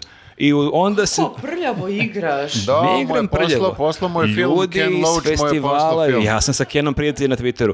Ja... e, pa bolje valjda da najavim film, da ispričam nešto o njemu, nego da kažem "E, imate tog i tog datuma, taj taj film, tačka. Pa ja, da, da- ali kako drugačije, ja nisam znala da možemo tako da se igramo. Ja bi onda tražila jadna stvorenja da mi pošalju na link. Ovo nije igra, ovo je kriminal. Ovo je čist kriminal, ali ono što smo pričali u prošlom podcastu je monofantomku, tako da niko ne zna sam to ja. da se vratimo na film. Dakle, film... Ukratko da ga prepričam. Ukratko, ukratko ću da ga prepričam, pa neću ga prepričam, samo ću da prilike kažem o čemu je. Malo mesto na severu Engleske, mesto koje onako od, odumire, to je neko rudarski neki kraj koji je ranije bilo mnogo ljudi, dešavale se tu razne stvari, ali taj rudnik je napušten i to mesto odumire i tu je jedan taj stari pub, i otprilike jedini u tom mestu koji se zove The Old Oak i tu se sk- skuplja ta neka lokalna ekipa i to su jako zanimljivo prikazali taj moment gde isti ljudi istih e, svakog dana sede za istim stolovima, Piju ista pića. piju ista pića i priča iste prazne priče, to tako traje decenijima, onako, baš, to se dešava u Engleskoj, ali ja mislim da to vrlo lako može se zamisli i negde u Srbiji, ako zamislite neko mesto koje onako davno nema svoj vrhunac, ali dolazi e, zapleti već na samom početku, što u to mesto gde ili nešto je drastično pala i cena kvadrata, baš onako da umire mesto, dolazi nekoliko autobusa izbjeglica iz Sirije. I e, to je sad, u startu imaš taj moment i to je to jako duhovito urađeno, e, ti nekoliko, tih nekoliko matoraca u pubu koji imaju te komentare koji su kao na prvi pogled ljubazni, on ne, ne pravi incidente, ono pogledaju klimnu glavom kad neko uđe, ali su to tačno oni komentari koji imaš i na društvenim mrežama, tipa evo sutra će džamiju da nam naprave ovde i ti vidiš tačno tu neku ksenofobiju i pritom je jako zanimljivo što oni su u strahu da će da se promeni njihovo mesto, da će oni promijeniti njihov način života, a kao niko ne Mesto da je umire. mesto promenjeno, da je mesto mrtvo i da i svaka promjena može bude samo na bolje, jer kao ne može gore toga, jer baš drastično to sve pada. Ali e, jako je lepo u osnovi tog filma je taj divan odnos vlasnika tog puba koji njega glumi neki glumac koji se zove Dave Turner koji je glumio nekoliko filmova ovog reditelja. Ja sam ga prvi put sada gledao koji je predivan glumac i on razvija divan odnos sa jednom mladom devojkom iz Sirije koja se bavi fotografijom. I taj njihov odnos je nekako oni uspostavljaju kao otac i ćerka odnos, pritom ona je došla tu sa majkom i bratom i sestrom, a njen otac je u zatvoru u Siriji, tako da i njoj verovatno fali očinska figura. On, e, umrla mu žena, bio u nekoj teškoj depresiji i on otprilike dolaskom tih ljudi Sirije vidi otprilike neku šansu i da taj grad malo živi, a i da on sam nešto promeni u svom životu i on sa svojim sinom ne priča godinama, tako da oni ispostavljaju jedan jako lep odnos i pokušavaju zapravo jako neki tu njegovi e, drugari su namršteni. Sad oni tu vide otprilike kako eto on njima okreće leđa, sad je tu dobar sa nekim siricima, mi od nas živiš decenijema, imaš taj neki moment, ali on otprilike uz pomoć nekih ljudi pokušava da nekako integriše te ljude i da nekako poveže ovo lokalno stanovništvo i ove neke nove ljude koji dolaze, tako da je ovako film jako lep, jako je to topla priča, emotivna i u svakom slučaju mislim da je u sredu, ako se ne veram, ali proverite, velika preporuka od mene. Vredi A o- ga, vredi o- ga pogledati na torrentu. Ako imate fantomku, a o drugom će malo kasnije. Ja bih da se nadovežem samo na Marka. Uh, ja ću za početak pogledati uh, Lost Country i uh, Poor Things. Poor Things je novi film od ovog Jorgosa Lantimosa. Uh, koji je... Kako? Poor, poor things. Da, Jad- jadno stvorenje. jadno stvorenje je Uh. Emma Stone igra i uh, to je onaj lik što je radio Lobstera i uh, The Favorite, ako se sećaš, i Killing of a Sacred Deer. Mm, Znam, nisam gledao ni jedan od tih filmova, ali znam I da postoje. ja mislim da, znači, uh, ovo sad izlazi u ponedeljak, ja pretpostavljam da će Jorgos da bude negde u ovim manjim, tipa Dom omladine. Ne, ja mislim da, da, da je Jorgos, da, da je za Jorgosa kasno, da je on u subotu i nedelju. U Mislim- Domu sindikata. Jeste, mislim da njega nema posle? posle. E, posle mislim da ga nema, ali da, možda da najaviš neki, šta si rekao da ćeš još Možda da gledaš? bude u bioskopima igra Emma Stone. A Mogli bi, mogli bi. Da, Pa ja sam vidio ovde da. ove filmove koje nisam gledao, obeležio sam, ima e, neki poljski film, zove se Seljani i uopšte mi nekako priča nije obećavala, ali vidim da ima neke ludilo ocene i komentare. da. I e, o Suvom bilju, neki turski film koji također želim da gledam, a da, e, Wim Wenders ima novi film koji ima neke isto fenomenalne kritike, tako da, eto, i to planiram da pogledam. Ja sam dobila uh, preporuku za nešto zove Bonello i Critical Zone. Uh, tako da uh, ja još uvek nisam ni ceo spisak sastavila, ali možemo da okačimo i to u opisu videa. Ja moram da kažem da meni to, ja tako volim taj moment što radim svaki put, mislim, ajde imao sam neku rupu par godina kad su mi deca bila mala pa nisam baš mogao da idem na festivale, ali taj moment kad izađe program festivala autorskog Pa filma ili program fest, da, pa onda čitam svaki film o čemu je, pa gledam kritike, ocene, pa onda pravim širi spisak, uži spisak, pa onda gledam datume, šta mi se s, kim, s čim preklapa i šta realno mogu da pogledam, a šta neću moći, tako da je to baš onako slatke muke. Ja ti, e, moram ti kažem da te razumem i da se slažem s tom, ja osjećam isto neko uzbuđenje kao i pre kad smo bili na faksu, pa kad smo se radovali što počinje fest ili BTF ili to uh, slobodna zona ili festival autorskog filma i to da sad zaokružuješ, ali kažem ti još uvijek nisam stigla to da uradim, ja sam juče Pa, pa pokupila. onda vidiš da se dva sjajna filma preklapaju i kao Tako ne je, moraš pa da odabereš juriš, jedan. Pa onda kao, mislim, i generalno i to druženje sa ljudima, uh, gde kao nakon filma pričate o tome, uh, Dobro, taj deo je višak, ali filmovi su dobri. E, e, e. Šalim se, treba se družiti sa Evo, ljudima. sad se družimo i pričamo o filmovima. ne. A, ne tako kako mi se to sviđa, ali dobro. Mislio da... Ako tebi se bud- ne sviđa naš Evo, podcast? obećavam ti ako se sretnemo na istoj projekciji, pričat ćemo. Popričaj malo Dva, tri minuta ćemo, dok čekamo jakne popričati. E, a, samo da vas pitam, kad ste pomenuli uh, fest, ti si pomenuo, jel će biti uh, fest u Sava centru opet? Kao ja, Sava ja centar bi ponovo volela. postoji. Ja se da, nadam. fancy Cava centar. Dobro, dobro. Sava centar. Cava centar. Sava centar. Oj, dobro. A šta si Nenade ti gledao? E, ja sam gledao, ispostavilo se da je Viktor već pričao o tom filmu, ja sam to nekako propustio, ovaj, gledao sam dva neka filma, ovaj što je Viktor gledao ću kratko da pomenem, čisto da bacim neku impresiju o tome, uh, They Cloned Tyrone se zove. Uh, jako je Klon- zabavan klonir- klonirali su Tyrona. Da, o- Prevod na srpski. Da, prevod na srpski. ovaj, uh, na, na Netflixu je beše. Uh, Da. Na Netflixu je film i malo su se poigrali sa tim uh, ono stereotipima o crncima koje često viđaš u filmu, u filmovima. Sve- Kažeš poigrali, misliš, baš su ih onako na bu- odvrnuli na deset. na maks, da. Malo su se poigrali Ne, ali, eufemizam. bukva- ali bukvalno je kao, mislim ti, uh, c- početak filma je zapravo, ti, ja kad sam video ono, opis filma kao naučna fantastika, ja kao dobro, ok, pustim film i sad kao Nema ništa. nigde naučne Nema fantastike. nikakve naučne fantastike, geto, i svi su u getu, ono, crnci kakvi, ono, su stereotipi o crncima, znaš. Ove, svi su dileri ako su muškarci, a ako nisu muškarci, ako su žene, svi su, sve su neke prostitutke i to je to kao otprilike. Ili su beskućnici i tako to. I ako su muškarci, mogu da budu i pimpovi. Eventualno, da. To je isto, da. Kakav spektar zanimanja. Jeste, da.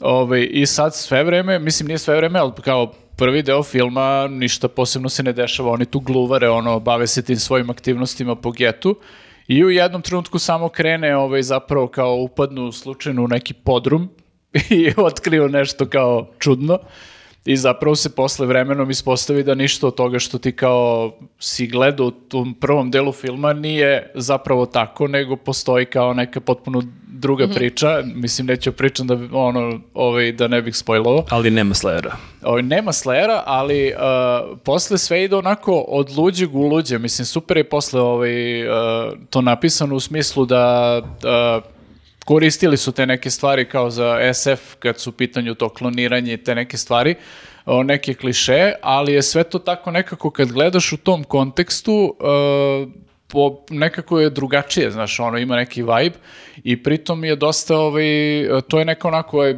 kako da je nazovemo, mračna komedija, otprilike. E, a pritom su radili jednu e, isto zanimljivu stvar, sve su stavili, taj film ja mislim, iz ove ili prošle godine, nisam siguran. Novije, da. Novije, ali su ga stavili u neki filter, bukvalno ono koji je potpuno tipa 70. ovaj, godine, gde ti imaš utisak kao da gledaš neki matori film, cela je ono je ikonografija je takva i, i, i slika i muzika ono muzika je sve vreme neki taj uh, uh, funk disco iz 70-ih Pa ja mislim da je to fora sa uh, samom radnjom, a to je da su oni uh, za, uh, nekako zakucani u vremenu, u Jeste, tim jeste, 80. da, da. godinama, iako je 2020 i neka. Znači, dešava se danas, ali, Ali- su ali oni su- zakucani, znaš, kao u nekim 60-im, 70-im po ponašanju. pa po- zapravo u tim klišejima da Da, da, u klišejima iz O, 60-ih, 70-ih. Tako da, i mislim, posle se razvija to u tom SF ono pravcu, ali generalno, mislim, onako, zabavan je film. To, to sam, ovaj, to je prva stvar koju sam odgledao, a druga stvar koju sam ovaj, iz neke, ono kao, e, mislim, to ću baš kratko, baš sam iz nostalgije kliknuo, vidio sam da je izašlo na Netflixu isto Super Mario movie. I ovaj, to sam kliknuo da vidim na šta liči, jer kao nemaš sad neke očekivanja, preraso si, ne znam, Super Marija i jeste kao film za decu zapravo, Uh, ali lepo je urađen, mislim, simpatično je, baš je onako, ovaj, ima, pa, ne znam ko je radio, da li je ovaj, Pixar možda ili Disney, nisam siguran, ali imaš sve te ono, ovaj, duhovit je u, u, ono, u toj nekoj meri koju, u kojoj su inače njihovi filmovi duhoviti, ima te neke slatke likove, ima sve onako je ovaj, tipizirano urađeno, I naravno, mislim, sve se vrti oko otmice ove princeze Peach i imaš ovog Bowsera koji je glavni zloća i naravno, mislim, uh, braća Mario ovaj, koji moraju prvo da nauče sve one veštine da bi mogli da, da oslobode princezu, tako da, mislim, ono, nije baš, jedino ako hoćete da gledate nešto baš za ono, totalno mozak na ispašu da pustite ili ako imate klince, kapiram da će njima da bude super, ali Mario. ovaj, da, vizualno, vizualno je dosta lepo onako urađeno. Ja se, da, moje dete su gledala to, mada ja sam gledao početak, ali nije me baš zadržalo. Mada Da, nisam, da, gledao sam prvi 10 minuta i kao okej, da, oni su vodoinstalateri, sad je to neki haos, ali da, no, otišao sam u drugu sobu, ali evo, moje dete su oduševljene, tako da Jeste, gledale jeste, su simpatično dva, tri puta. Ja sam se samo pitao jedne, jednu stvar, e, jako e, drugačijim očima gledam Super Mario, to film kad uzmeš da gledaš, drugačijim očima ga gledaš sad nego kad si bio klinac. Bukvalno, jesu ovi likovi smišljali ono sve drogirani jebote. Mislim, Super Mario, znaš, on kao u startu lik koji pojede pečurku i bude mu super, kao... Verovatno jesu. Verovatno jesu, da. Baš je onako ovaj, malo... To smo ti lako rešili. A Odgovor je često da. Da, Možda jedan od kao uh, rodonačelnika uh, legalizacije. da, ne, znaš šta, nekako Možda kad možda si... bude maskota. Kad si mali, uzimaš takve stvari zdravo za gotovo zato što si mali i onda maštu imaš ono potpuno Pa drugačiju je li su nego zemlji kad si... čuda, izvini, molim te. Da, uopšte ne, u- e, ti to posmatraš kroz prizmu mašte i čudesa, znaš, ču- čudno je nešto, ali to je klinac i lepo ti je kad je čudno i, znaš, Mhm. a kad pogledaš to kad si, ono, odrasao, brate, stvarno si u fazonu... Jeste, pa kao i, baj, kao i, Na bajgi- čemu su kao bili bajgine pesme. Jeste, da. Sve drugačije delo kasnije. Tako je, da. Jesi ti, Viktore, pogledao nešto? Da, evo, bukvalno kad, kad je reč o naduvanim idejama.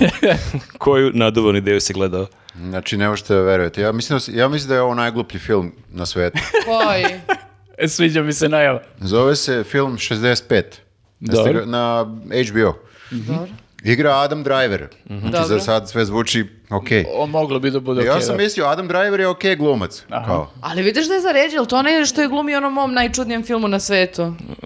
Onaj neki Da. white noise. Beli Da, šum. da, da, jeste, on je. A, on, aha, okej. Dosta Znam, čudno. I on je u Marriage, Sto- Marriage Story glumi. da. Ali to je odličan. Ne, izvini, uh, White Noise je samo čudan. Ne, nije najgluplji film na svetu. Nije, nije, samo je mnogo čudan. Ovo je SF akcija. Dobro. SF akcija koju možete da gledate samo ako je posmatrate kao nenamernu komediju. Ne znam kako bolje da objasnim. Ako imate sat i po vremena, pogledajte. A šta ako je, jel, šta ako je namjerna komedija, ali... Ne, Ne. nema ni trunke komedije. Znači sve, Aha, aha. sve je vrlo ozbiljno. Zato sam i u fazonu kao, brate, kako nekom ovo padne na pamet i kako neko ne kaže odmah taj ko sedi do njega kao, brate, glupa ti je ideja. Nego ne, kao, super, strava, ajde, zašto ne bismo, evo o čemu se radi. Znači, Iznervirao si, sviđa mi ceo se. film ću da vam prepričam, znači sve ću da vam spojlujem. Dobro, ne moraš. Hoću, zato što ne- nema svrhe gledati ga, odnosno kad ga budete gledali, Bićete mi zahvalni što da, ništa neću pokvariti, jer je toliko glupo. Znači ovako, Adam Driver je, e, dešava se na nekoj planeti, znači Star Trek, Star Wars fazon, on je na nekoj e, planeti i on je pilot koji treba da izvrši neku misiju. I za sada zvuči okej. Norm, najnormalniji SF, tako zvuči. I on kreće na tu misiju, treba da preveze neka, kako bih rekao, neke, neke ljude i neku robu na neku planetu. Ti ljudi su jeli, zamrznuti u kriogenom stanju, pošto oni putuju verovatno nekim svetlosnim godinama, milionima, bla, bla, bla. I e, oni lete tako, on je u toj misiji i odjednom kao asteroidi udare. Ne, neki nepredviđeni pojas asteroida udara brod i oni se sruše na... Jedini je on tu budan, kako bih rekao, svi ostali su zamrznuti u kriogenom stanju. Kako je i najnormalnije u SF. Tako si putuje, da. Da. Pa što? Dobro, neću. Šta, rec, Ne, pitaj, ne, ne, pitaj. nema razloga da dužimo priču. E, Nastavi. Ne postoje glupa pitanja. Ne, ne, ne, veruj mi, tvoje pitanje je sigurno pametnije od ovog filma. Reci. Zašto je on budan? Pa on, ne znam. Pa neko Ne- mora da... Kako pa on ne neko valjda- propadne, ne ostari, ne razjebe se, razumeš dok su ovi tu Ali neko mora da vozi, verovatno. Neko mora da vozi, on je nešto polubudan, nebitno. Polubudan, šta znači Dobro, pospan? dobro ti je pitanje, dobro ti je pitanje, skroz, nemam odgovor. Znači, Dobro, udari asteroid, oni dali. padnu. Da. Znači, ajde, stigli e, smo do udari asteroid, oni padnu na neku e, planetu. I jedini je on, e, jeli, kao, svi, sva ova tela e, u ovim kriogenim kapsulama su se razbacala, svi su, sve se sjebalo. Znači, jedno je samo, jedna kapsula je negde preživela, I to je žena, pretpostavljam. Pa to je on- devojčica neka. Aha, dobro. I on je preživeo, jedva nekako, i sav je izranjavan. Na toj planeti on se budi, kreće kao gleda nepoznata planeta i tako to. Na planeti dinosaurusi. Opa, I kažu ti... Evo, on ima odelo, kako diše. dinosaurusi ti kažu. E, pa to je isto zanimljivo. Znači, Adam Driver priča engleski, jel tako? Mislim, To je na I- nekoj i, planeti. Dinosaurusi pričaju engleski. Ne, dinosaur, a mada bi mogli, što da ne. Ali a, engleski se ne piše kao engleski, nego se piše kao neki hieroglifi. Sve je jako Što? glupo. Pa zato što je to neka civilizacija A, koja, okej. eto, priča engleski. Nebitno. A nego će da nauči izmišljeni jezik zbog te uloge. Slušajte, on se ruši na zemlju e, dok su dinosaurusi. Znači, to je zemlja. Ta to su- planeta je zemlja. To ti otkrivaju, to ti odmah otkrivaju. Jer kažu, ovo je zemlja pre 65 miliona Znači nije godina. ono kip slobode u pesku, Zato se zove 65 film. Zato što je pre 65 miliona godina. A odakle mu sad ta zemlja od pre 65.000 godina? Kako miš odakle mu? To je Pa ova zemlja naša. Postojala je, za? A razliku od kako je masona. došao na tu zemlju? On nije sa zemlje, on je sa druge planete. Srušili su se tu, asteroid ih je udario i A on u se... stvari ne živi na zemlji. Ne, Ne, ne, ne. bre, oni su na nekoj planeti, to je neka Oni civilizacija. da. Znači, zato ti kažem, Star Trek... Ovako je sa- delalo pičovanje te ideje pred nekim iz HBO. Bukvalno je ovako, znači ne možete verujeti. Znači, 65 miliona godina uh, uh, pre današnjeg trenutka, tačnije 65 miliona godina i 7 dana. ok. I zašto je bitno? Zašto mi je bitna ta informacija? Zato što dinosaurusi kreću da ih jure, oni se tu, jel tako, kao Park iz bore. doba Jure malo. Vrlo je park iz dobar Ju- Jure, samo je baš, bukvalno nije park, nego je dobar Jure. Plane, Dobro. planeta iz doba Jure. Planeta iz doba Jure, Jure se s dinosaurusima i dinosaurusi, ja... E, Jure se. Jo, bože. Bravo, bravo. E, ali ovo je bolje od celog filma. Dobro. Znači, e, po cel, jure se tu, po dinosauri se hoće Po da- planeti, po okej. planeti. I šta se dešava? Kao glupo zvuči. Znači, oni su tu par dana, nisu dugo. Dobro. Oni su uboli trenutak da padnu na zemlju. Kada ovi nestaju. Da. A taj asteroid je i zemlju pogodio. Znači, Da. tako je u stvari sve počelo. Znači, on je sjebao zapravo dinosauruse. A, ne, bre, Ne, asteroidi, asteroidi, asteroidi. ali ovaj je slučajno pao baš tad. Ovo je, u 65 miliona godina I imaš... on je Adam faktički, biblijski gledano. Da, driver. Driver, da. Na, sad je on. Zato su ga odabrali za tu ulogu. Čekaj da te pitam, znači on onda ostaje faktički na toj zemlji kao Ne. jedini čovek. Oni u trenutku, evo ovako, spojlovat ću sve, baš me briga. Znači, juri ga neki, uh, nije ni Tyrannosaurus rex, znači Tyrannosaurus rex ima male ručice ovako, Da, da, znači da. ovo je neki Tyrannosaurus sa ogromnim rukama i taman da ga ovako zgrabi, on, mu ga, on se nekako izmigolji, uđe u svoj svemirski brod, krenu nekako, popravili su svemirski brod i u tom trenutku kad oni kreću, sekund kasnije udara asteroid i pobije sve dinosauruse. Koliko glupo. Pa pazi, pa, ali, ne? ali nije nemoguće. O, ovo, ovo, Pazi, e, šansa, mala je Jako šansa, mala ali nije šansa nemoguće. Da uvodeš taj dan i taj, pre 65 miliona taj tren- godina. i- I sedam dana. i taj minut. I taj minut i taj deo na planeti Zemlji gde se baš to desilo. Da, da, nije, nije, mislim, ne znam gde se desilo, Aha, znači ali to je- nebitno nije je, baš to cijela zemlja je sjebana. Znam šta Nebitno. ću da gledam večeras. Ljudi, znači, ali kako se to desi? Stvarno me interesuje da neko kaže imam genijalnu I ideju, koja je poruka tog filma? bukvalno, zar treba poruk? Zar treba objašnjavati? Sve je moguće. Film koji ne treba posebno predstavljati.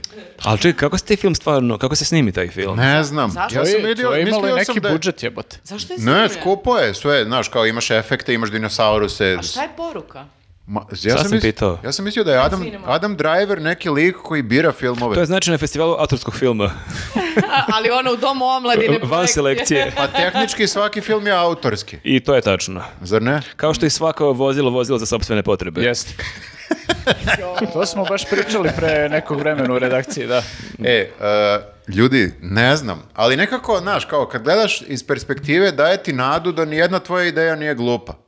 Pa to Ne- je poruka nego filma. samo nisi naleteo na dovoljno hrabrog producenta. To je u stvari A poruka hrabrog filma. ili da. jako, jako ludog. Luto, ludog i drogiranog. Poruka filma je, Ne znam. znači, ako je ovo prošlo, i tvoja ideja može da prođe. Pa dobro, ali to onda ohrabruje. To je onda Da. veće motivacije do ovog filma kao ako ima 60 godina plive od Verovatno samo Kube. treba da imaš e, nekog čoveka u Netflixu, HBO. Možda samo poruka filma da nismo sami u svemiru. Da ima tamo neka planeta na kojoj živi neki Adam Driver. Ali Dobro, dosta nije, filmova... nije baš originalno. Dosta filmova ima tu poruku, pa su Iako možda i mnogo mrvicu, bolji filmovi, mrvicu da. bolji. Ja pokušavam da izvadim. Dobro, okej. Pa da ti pogledaj film. E, ali evo, samo da još ja još jedan film na, e, spomenem koji sam gledao preko Ne, svojih... slobodno, ne bi želeo da završimo s ovim. Pa ja bih negde želeo, sad ovaj film je jako ozbiljan i onda mi sad malo žao, ali evo, čisto da kažem, neću dužiti. Film je također na festivalu autorskog filma, zove se Kidnapped ili Kidnapovani, e, to je Kidnapovan, e, u pitanju italijanski film i e, On, mislim da, se, da je i on sad nešto, ako gledate ovu ponedjeljak utorak imate šansu da ga pogledate. E, jako je potresna priča zapravo, jer to je istini događaj i to je istini događaj kad čujete o čemu je film, zvuči kao da je to priča iz 15. 16. veka, priča iz 1850 i neki, što nije bliska prošlost, ali opet je relativno, ono, relativno bliska, a priča je, dešava se u Bolonji i tu postoji neka jevrejska zajednica i u toj zajednici je jedna porodica koja ima, mislim, osmo ili devetoro dece, koji su, vidi se da su malkice neka e, bogatija neka klasa i e, počinje film tako što u sred noći njima upada neka vojska ili policija, kako bismo ih već nazvali, sa nekim e, čovekom iz države. To je tad pod okriljem e, papske države. I oni kažu, imamo spisak vaše dece, kao dovedite ih sve ovde i oni jednog po jednog prozivaju. Oni bude decu i kažu, e, ovaj konkretno, dečak koji ima šest godina, mi imamo informaciju da je on kršten. I ako je on kršten, on ne može da živi sa jevrejima, on je hrišćanin i mi imamo naređenje da mi njega izmestimo iz ove porodice i vodimo ga sa sobom. Kako, što, što ne može da ži- uh, živi, mislim, nis- nisam znao za to pravilo. Pa ne objašnjavaju to tim rečima, ali fazonu, evo, on je kršten, znači mi ga odvodimo, jer on je hrišćanin, on nije jevrej, on nije on vaš. Dobro. I e, oni se sad prvo šokirani šta se dešava, kad je on kršten, jer su i muži, žene jevreji, sva su deca jevreji. I oni sad nemaju predstavu kad je on mogao da bude kršten, ali ne, oni imaju dokaze da je on kršten i oni ga odvode i jako je Jako je dobro prikazan taj moment te potpune nemoći. Otac sad tu stoji i tu je vojska, on ne može ništa da uradi, to može da proba nešto da ih napadne, ali će ga ubiti, mislim, ne, nema šta drugo da uradi. I to, to dete odvode i odvode ga u Vatikan.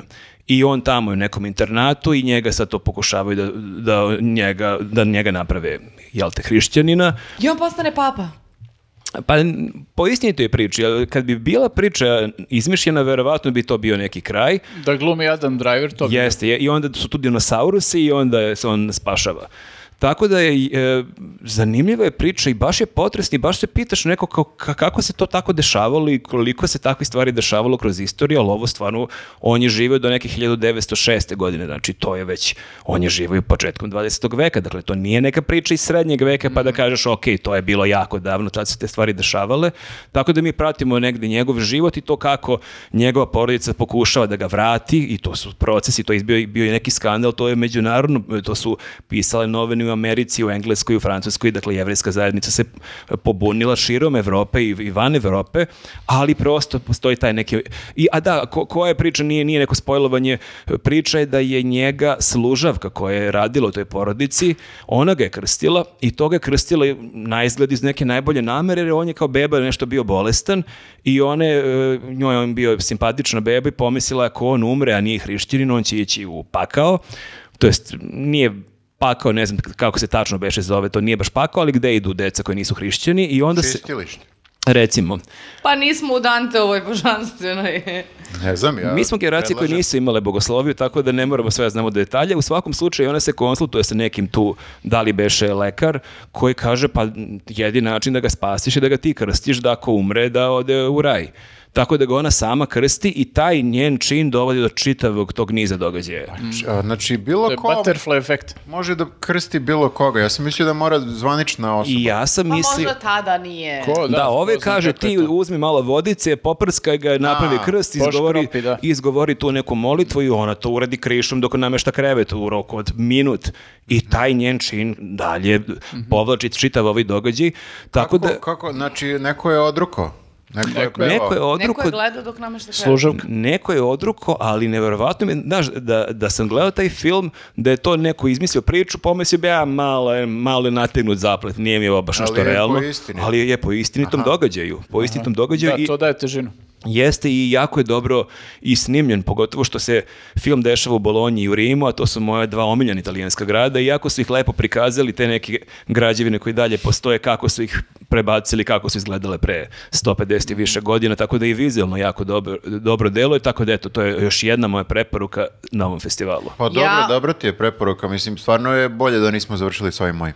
Ja ću svakako svečano da obećam da ću u opisu videa da stoje i dve od mene, pošto ja nisam uh, Dobro, varala. dobro, okej. Ja sam po, ovde ona sirotica poštena. A ti si oni fazon, znaš kao, a, najavljuješ koncert benda, ali a, taj bend nisam nikad slušala, ali sigurno će biti dobar koncert. Proslušaš, odeš na YouTube, baciš pogled malo, a znači, Ne. dođite si- na koncert. Ramštajna, ali ne znam nijednu pesmu Ti si Ramštajna. varao, ti si varao.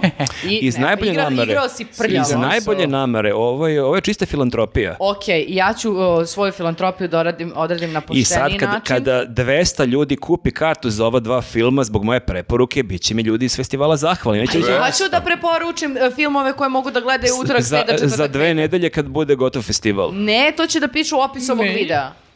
Ja sam tako m, Dobro. smislila. Znači da napišu baš neki kao esej ili ćeš samo da sa, navedeš naslov? Napisat ću filmove o čemu se, neću da objašnjam o čemu se rade i napisat ću kad su projekti. Na šta bi mogla? Mogla bi, nakon što pogledaš film na svom Instagramu, do u story, ono, ćao svima, evo upravo sam pogledala taj taj film i onda pričaš o Ja njemu. mogu, ne osjećam se prijatno to Što? radim. Sramota. Na što prelazimo sad? Sorry. Pa Da. to kao Ne, ovo. Markovo jeste kriminal, Je težak kriminal, ali ali manje kriminal od ovog mog filma. I još manje kriminal od ovoga što je Šone uradio, što je spojlovo. Šta se spojilo? Je- ja, sam, ja, sam rea- ja sam realno tek treći najgori lik u ovom popkastu. Da, da, da, tako da eto. Dobro, dobro. O, jel prelazimo na knjige? Prelazimo na knjige. Uh, Ko je, ko je nešto čitao? knjige. Viktor, jesi čitao nešto? Ljudi- si slušao? Audio knjiga.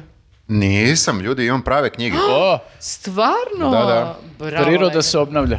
Gledajte, I gledajte. to dve? Dve, da, nisam, nisam do kraja pročitao ni jednu, ali... Kako nisi Oktoberfest pročitao?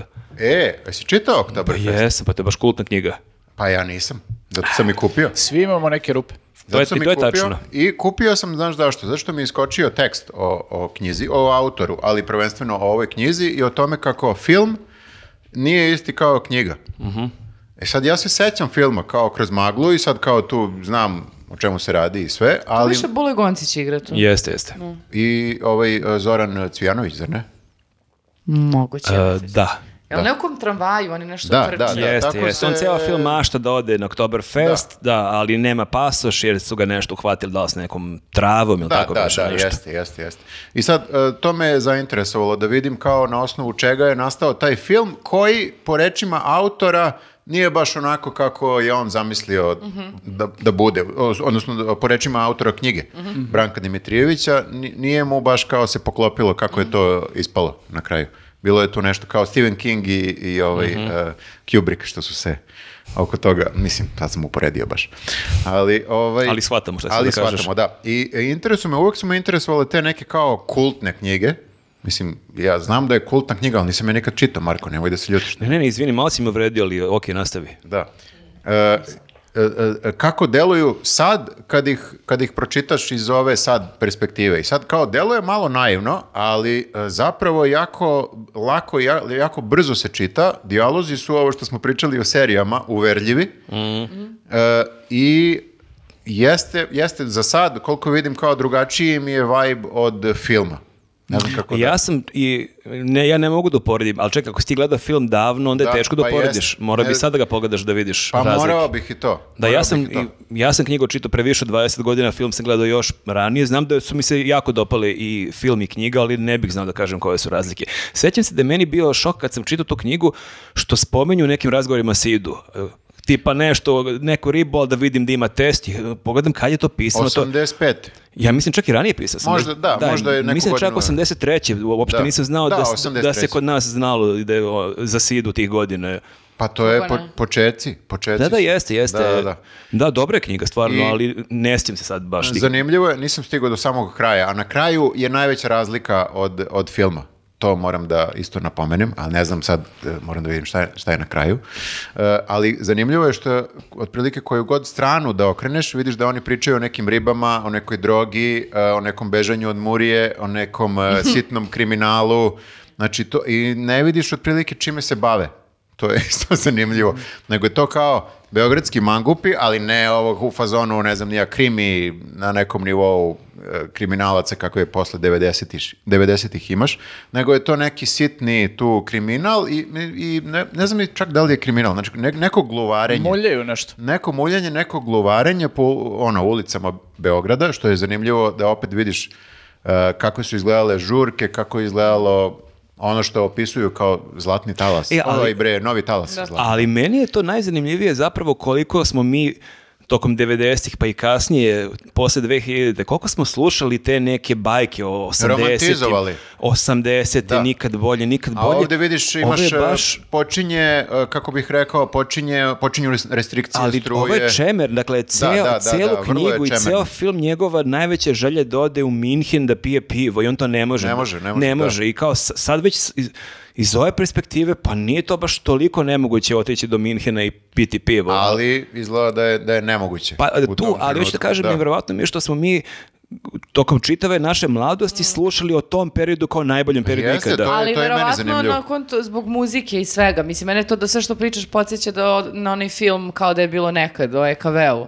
Gde Mhm. ti ljudi zaista pričaju o razvoju cele scene 80-ih godina i dolasku, to jest otkrivanju SIDA. Mislim da je VD bio jedan od prvih Ja dijagnostikova. čak mislim da je bio i prvi možda. Možda i prvi, da. da. da. Da, i kako se to se širilo i kako su izgledale te žurke i tako dalje. Tako da mislim da je više zbog tog hajpa, zbog tog uh, zajedništva koje je bio i muzike koja ih je spajala i ideje da su oni sada nekako um, revolucionarni. Ma ne, jeste i moguće, Borbeni. moguće Jeste, u- ali to je zajedništvo e, koje se rađa bukvalno iz, iz očaja. Jer Ha. ti ne, nemaš, nemaš izbora, nemaš šta da radiš jer se sve oko tebe kreće da se raspada.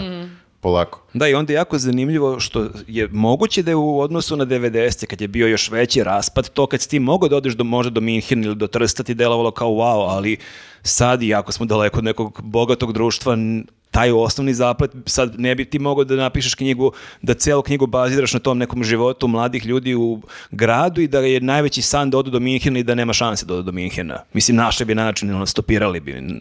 Pa ne bi, mislim, ima dosta mladih ljudi koji nemaju kinta, nemaju posla, imaju matore roditelje koji ne, imaju bedne penzije i koje ne mogu ni do Beograda nekada dođu. Mislim, Dobro, ako ma- staviš u kontekst ljude iz unutrašnjosti koji Dobro, ali ovo žive... dešava baš u centru Beograda. Da, nego ovo samo baš- kažem da i danas nije nemoguće da, da ti dobro. to bude san.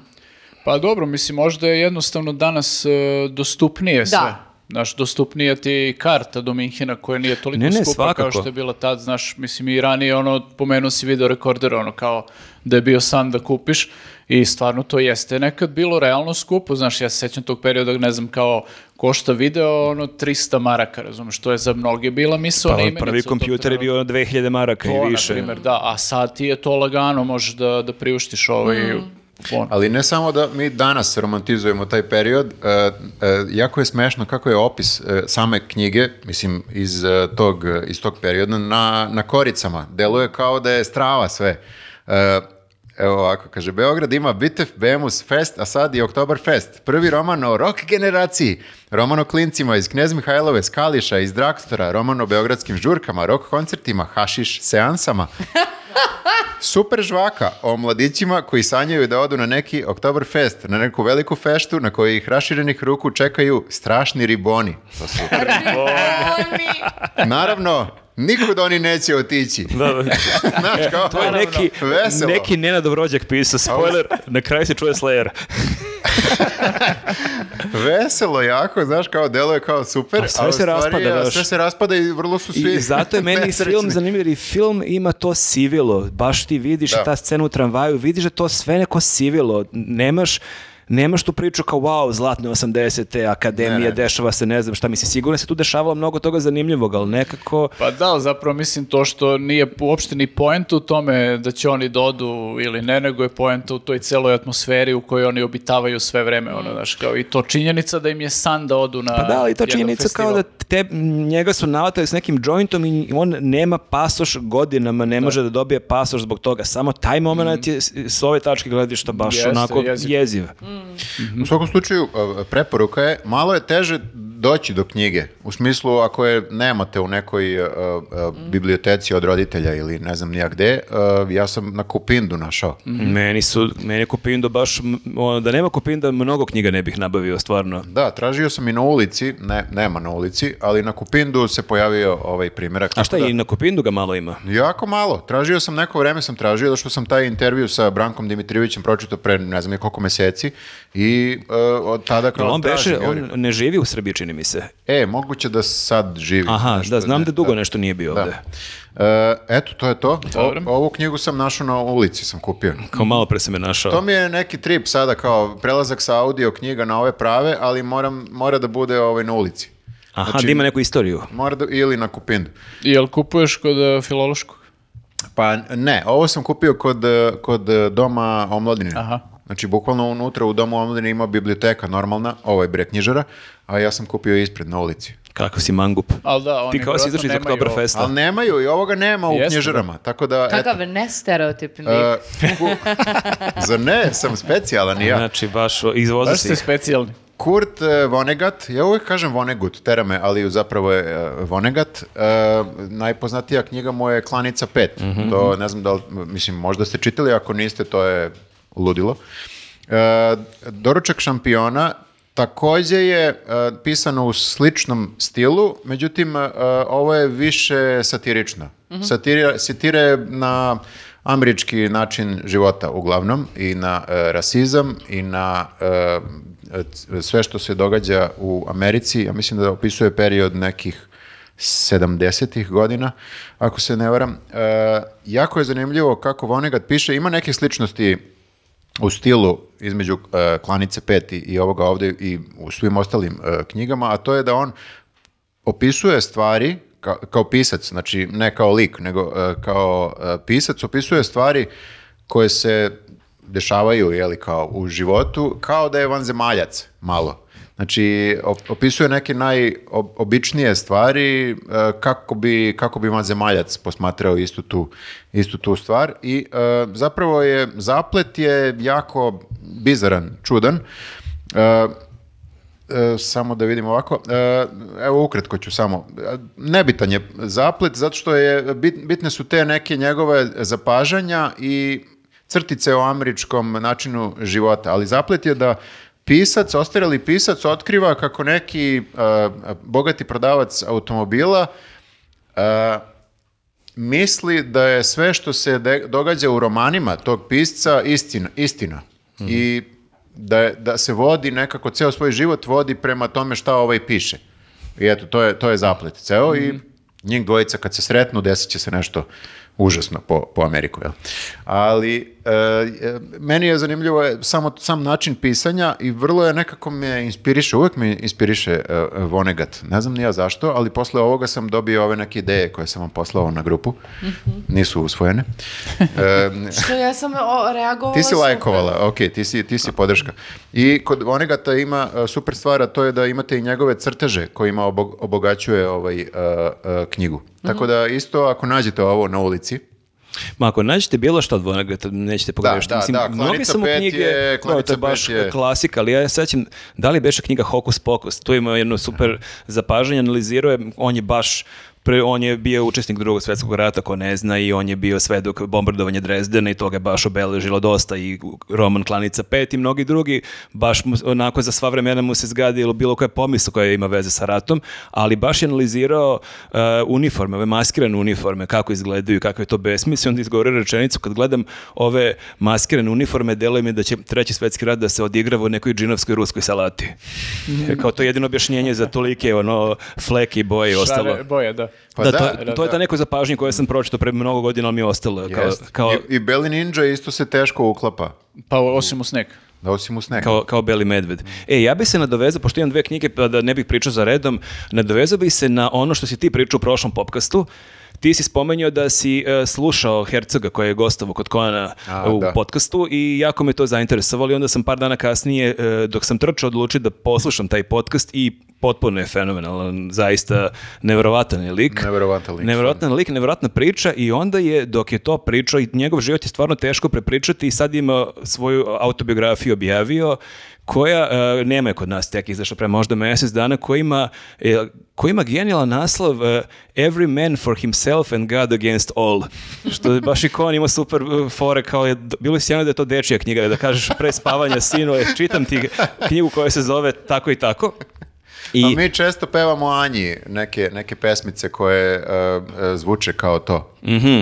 Zvuče kao... uh, Mislim, e, Pusti puže rogove. šaljive su, Mhm. šaljive su, ali sve su u fazonu kao moraš da budeš najbolja, moraš da poraziš sve u životu, moraš da budeš, život nije lak i tako. Mislim, bude rimovano u tom trenutku, život nije igra. Ja se nadam da niko iz neke socijalne službe ne gleda Ma ne, podcast. ona ne razume za sada ništa, zato se izezamo. Mislim, mnogo- Lepi joj se za podsvest, moraš da budeš najbolja, moraš da pobediš svakoga. moraš da poraziš svakog. Pora, još gore. Ne, moraš da poniziš svakoga. Poniziš i to e, je isto. To, to, da, molim da, te, da. u drugu strofu To to ubaci. da. Zato što je ću to, da se plašim tog to je po Montessori principu.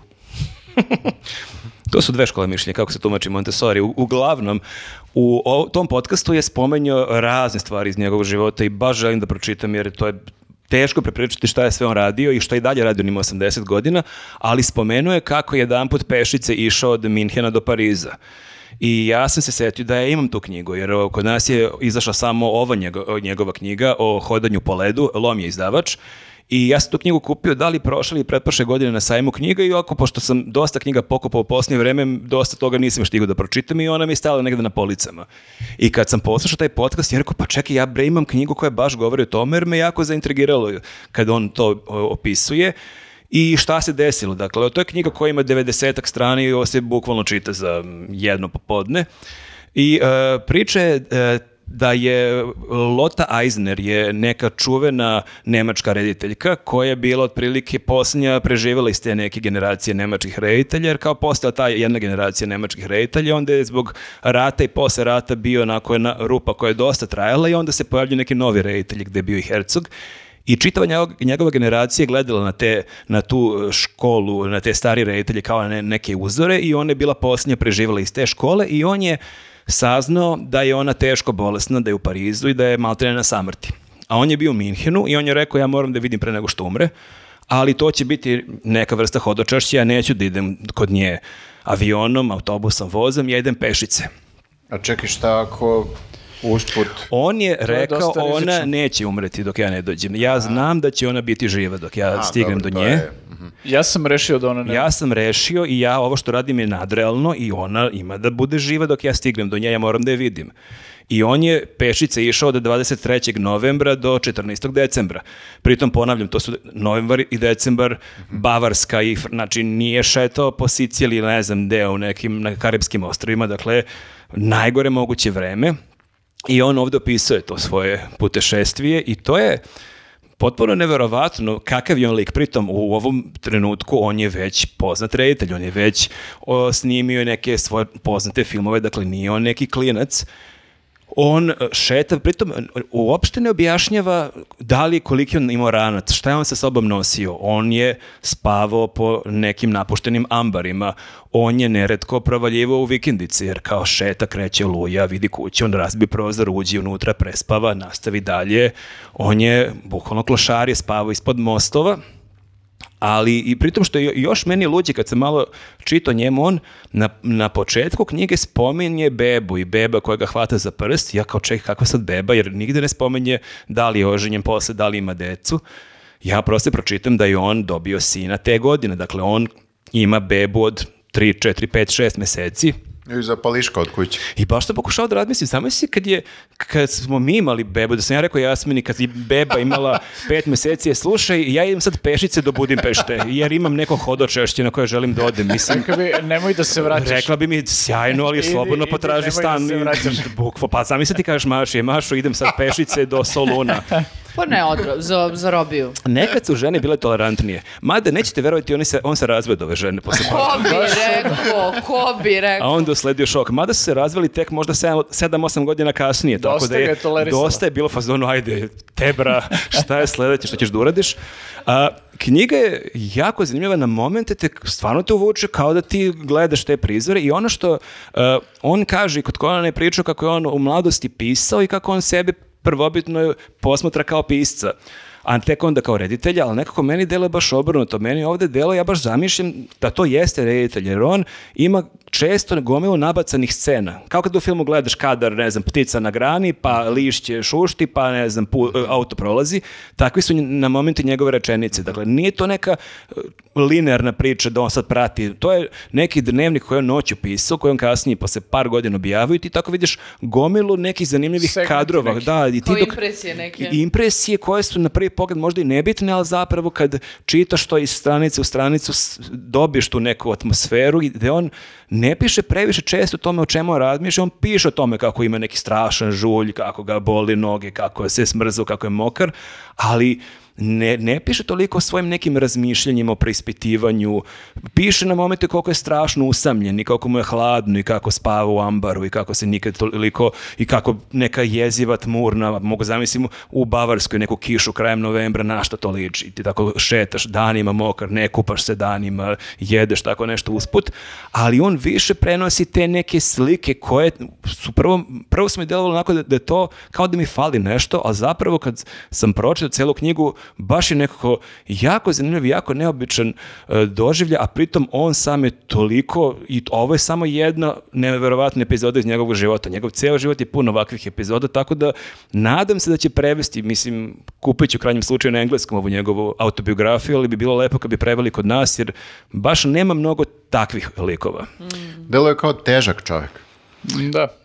Delo je kao Delo težak. je kao da, baš, baš ovo što smo pričali o tome da kao dobije bebu i kreće na put, kao da je Na on... put pešice. na put pešice, kao da je on e, genijalan u tom pogledu, ali nekako na štetu svih ljudi koji su mu bliski. da. Jeste. Ta sebičnost tog govnarstva je često odlika nekih velikih Da, umetnika. da, da, deluje da je- da je- A možda može i bez toga nekako. Drago mi je da to kažeš, da čini ipak mi biraš se- drugi put. Pa čini mi se da može i bez toga, mislim, Bravo, da. Ali se to bravo. često onda romantizuje, ako imaš, ne znam, Picasso ili imaš takve neke likove, onda kao to ti onako deluje, deluje i zanimljivo, i egzotično, ali ako ti nisi deo njegove porodice ili prijatelja. Da, i zamisli dođe na ovaj, vrata te gospođe, onako nikakav ko klošar neki, ona mu zalupi vrata, kaže, ajde gubi se. E, da, e, dobro si me podsjetio, dakle, koja je priča sa njom i to isto je pričao i kod e, Conana i ovdje e, piše u recenziji, ona je živjela posle 60 godina i ona je doživjela taj, to njegovo hodočašće kao da on bacio neki čin i da on njoj ne da da umre. I onda je nakon desetak godina ona njega pozvala i rekla mu je imam 87 ili 88 godina, ja jako teško vidim, ja više ne mogu da gledam filmove što je meni bilo veliko uživanje, ja više ne mogu da čitam knjige što je meni bilo veliko uživanje, ja mislim da je vreme da skineš te čini, mislim da je vreme da odem. I on je rekao u redu i posle 7 ili 10 dana je umrla. Bože gospode. Tako da je lik možda i neki prorok, neki, ne znam, možda ima neki super moć. Pa Ma, izgleda jeste. da nije prorekao da će da ga ostavi žena. Možda je hteo. Pazi, ima posle još dva ili tri braka. Pa ne, ja sam sigurna da čovjek koji ostavlja uh, ženu s dete novorođenčetom nije baš u fazonu želim da sačuvam ovaj brak. O, ja se za ovaj brak borim, zato Tako idem je, u tri lepe. Borim se svim srcem za našu zajednicu, ona mi je jako bitna. I ženo moram da spavam u ambaru noćas. Da, da, da, da. To ću, to ću pre da uradim nego da menjam pelene. sve, sve bolje. Uh, ja sam tela da preporučim uh, Ani Erno, već sam pričala o njoj pre, još kad smo bili u staroj, št- staroj redakciji, nju mi je Marko otkrio, tada sam uh, pričala o knjizi koja se zove uh, Opsednutost. Uh, ja mislim. A, sada sam donela sve tri knjige koje sam čitala u nekom prethodnom a, periodu, zato što a, su izuzetno kratke sve tri i o, Ja sam pričao o događaju. o događaju. Dobro, dve sam knjige odabrala. Dobro, kao. Stvarno se priča kada? Pa da, pa ima, ima dosta vremena. Kad je izašlo? Bože gospode. pa Možda izvini. nisi bila tu. Možda nisam bila tu, ali baš sam dosta... Uh, nebitno, u svakom slučaju, uh, događaj je zapravo jed- jedina knjiga koja nekako se čini kao neka celovita priča koja sada ima konkretnu radnju. Dakle, to je žena koja pokušava da abortira 63. godine u, u Ruanu uh, i način na koji ona uh, uspeva da do toga dođe i koliko zapravo rizikuje život. Uh, dosta zanimljiv uvid nekako koliko su žene tada... uh, nekako odlučne i borbene bile u smislu da su po cenu svog života želele da uh, reše neki problem koji imaju u ovom slučaju da abortiraju jer misle da je to njihovo pravo i njihovo telo da to, da to i urade. A, ove druge dve su um, zanimljive jer su slične kao i, i, i opsednutost, a to je uzimanje jednog, uh, kako bih rekla, jedne, jedne teme, jedne iskre, jedne uh, ne, ne, ne- nečega i onda nekako uh, raspisivanje nekog više teksta, a ne cele knjige na određenu Pa da, mislim, njene knjige često budu kao neka fiksacija. Tako je. I u ovom e, slučaju e, fiksacija prva je um, o žena koja ima ljubavnika, uh, ona uh, je profesorka, živi u predgrađu Pariza i uh, viđa se sa nekim čovekom koji ima, ima porodicu i pristaje na to i mi sada fokus stavljamo više na trenutak kada taj čovek nestane iz njenog života, kako ona živi taj život. I dosta opet podsjeća na tu uh, opsednutost uh, koju smo pre pričali. Uh, meni je dosta zanimljivo zato što kao kad znaš ne, da ulaziš u, u nešto što grešiš, a mislim i zajebeš se jebi ga, a svi smo, sve smo se nekada u životu zajebale. A, I taj Čak moment... može da se kaže sve smo nekad e, bile u pravu. Jer se to ređe dešava. Viktore. Viktore. A, I način na koji uopšte piše, znaš, o tome, zato što uh, je biti u vezi sa čovekom koji je zauzet takođe, ono, no, no, naravno, ali jebi ga, dešavaju se stvari iz različitih okolnosti. I isto mi je zanimljivo način koji ona to, to preispituje kao ludilo, bunilo svoje, do trenutka dok se jednog dana ne, samo ne probudi i kaže, ok, sad je, sad je dosta. I super mi je, super mi je taj deo, zato što ipak sve prođe, mislim, naravno, ali način na koji ona to pusti, da to ludilo bude stvarno iskreno i tačno, samo neko od nas može to da sad poklapa i da se pravi da ne pati za tim stvarima, ali realno, da, pati. A, druga a, i treća knjiga, ukratko ću samo i o njoj, a, U pitanju je uh, odnos majke i ćerke u, u, u fokusu je one... Do, Da, odra- majka je premine i onda. Da, i u fokusu je, dakle, način na koji je majka odgajala, način na koji je otac odgajao, ona je ćerka, majka je imala neku malu radnju, piljarnicu u kojoj je ceo život radila i koliko je ona insistirala da uh, njena ćerka uči i da se, uh, i da se usavršava. Obe, mislim, ono što je nekako karakteristično za nju i zašto mi se sviđa, jeste što toliko nekako iskreno prosipa te stvari, ali vrlo onako jasno, kratko, koncizno, nekako bez nekog preteranog ulepšavanja. I onda nemaš sad moment kao kad čitaš, ne znam, roman od koliko strana, pa te sad ona vodi i vozi na ovu stranu i ovu stranu, pa ti objašnjava ovo. Ne, ona ima tačno fokus na jednoj stvari koju želi da, koju, želi da istraže ispriča i onda tu, uh, tu sve... mm, Ali mi deluje iz tvog opisa, ja sam, nisam čitao ove tri knjige, Mhm. deluje mi da ovdje ipak ima malo više neke radnje. U onoj opsednut, opsednutosti nema toliko radnje, to je više neki njena osjećaj, šta ona osjeća zbog tog muškarca. Znaš šta, jednostavna strast je uh, mnogo više liči na, uh, kako se zove, na opsednutost. Ove dve ne. Ovde stvarno, n- naš kao, preispituje i taj odnos majke i ćerke, odnosa sa, sa Da, ocem. u ženi se ona više seća svoje Da. majke i onda kao kroz ta sećanja ona dolazi do nekih svojih zaključaka, ovaj, Mm. tako da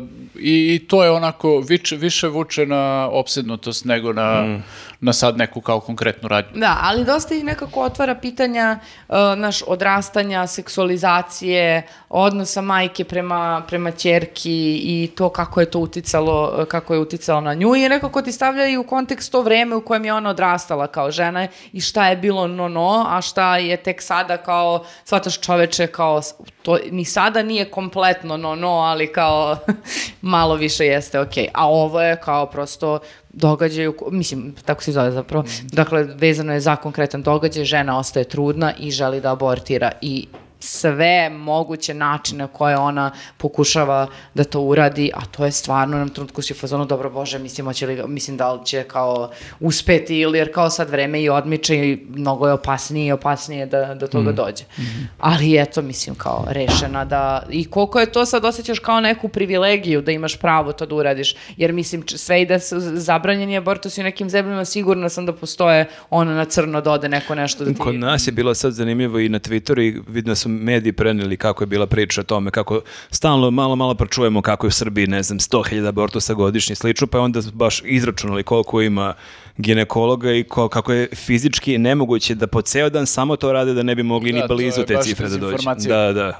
Čak i, čak i ilegalno da postoji, ne znam nija koliko uh, ljudi koji vrše ilegalno, opet Ne ne, bi se može stiglo, da. 100.000. Da. Ali, e, mislim, posebno što kao sad imaš e, tu temu vraćanja zabrane abortusa i u zemljama kao e, i Evrope. Pa u Poljskoj beše, da. da. po Poljskoj. Poljska je baš heavy, U da. Americi, mislim da je isto Da, u se- nekim zemljama, da, da. Da, tako da, da sama pomisao na to da treba da prolaziš kroz užasne uslove da bi samo o, kako bih rekla, ostvarila ono što je tvoje pravo, a to je pravo na tvoje telo, je jezivo, znači, jer kao šta su, kroz šta su sve mogle da, mo, morali da prolaze je neverovatno, stvarno. Da, da.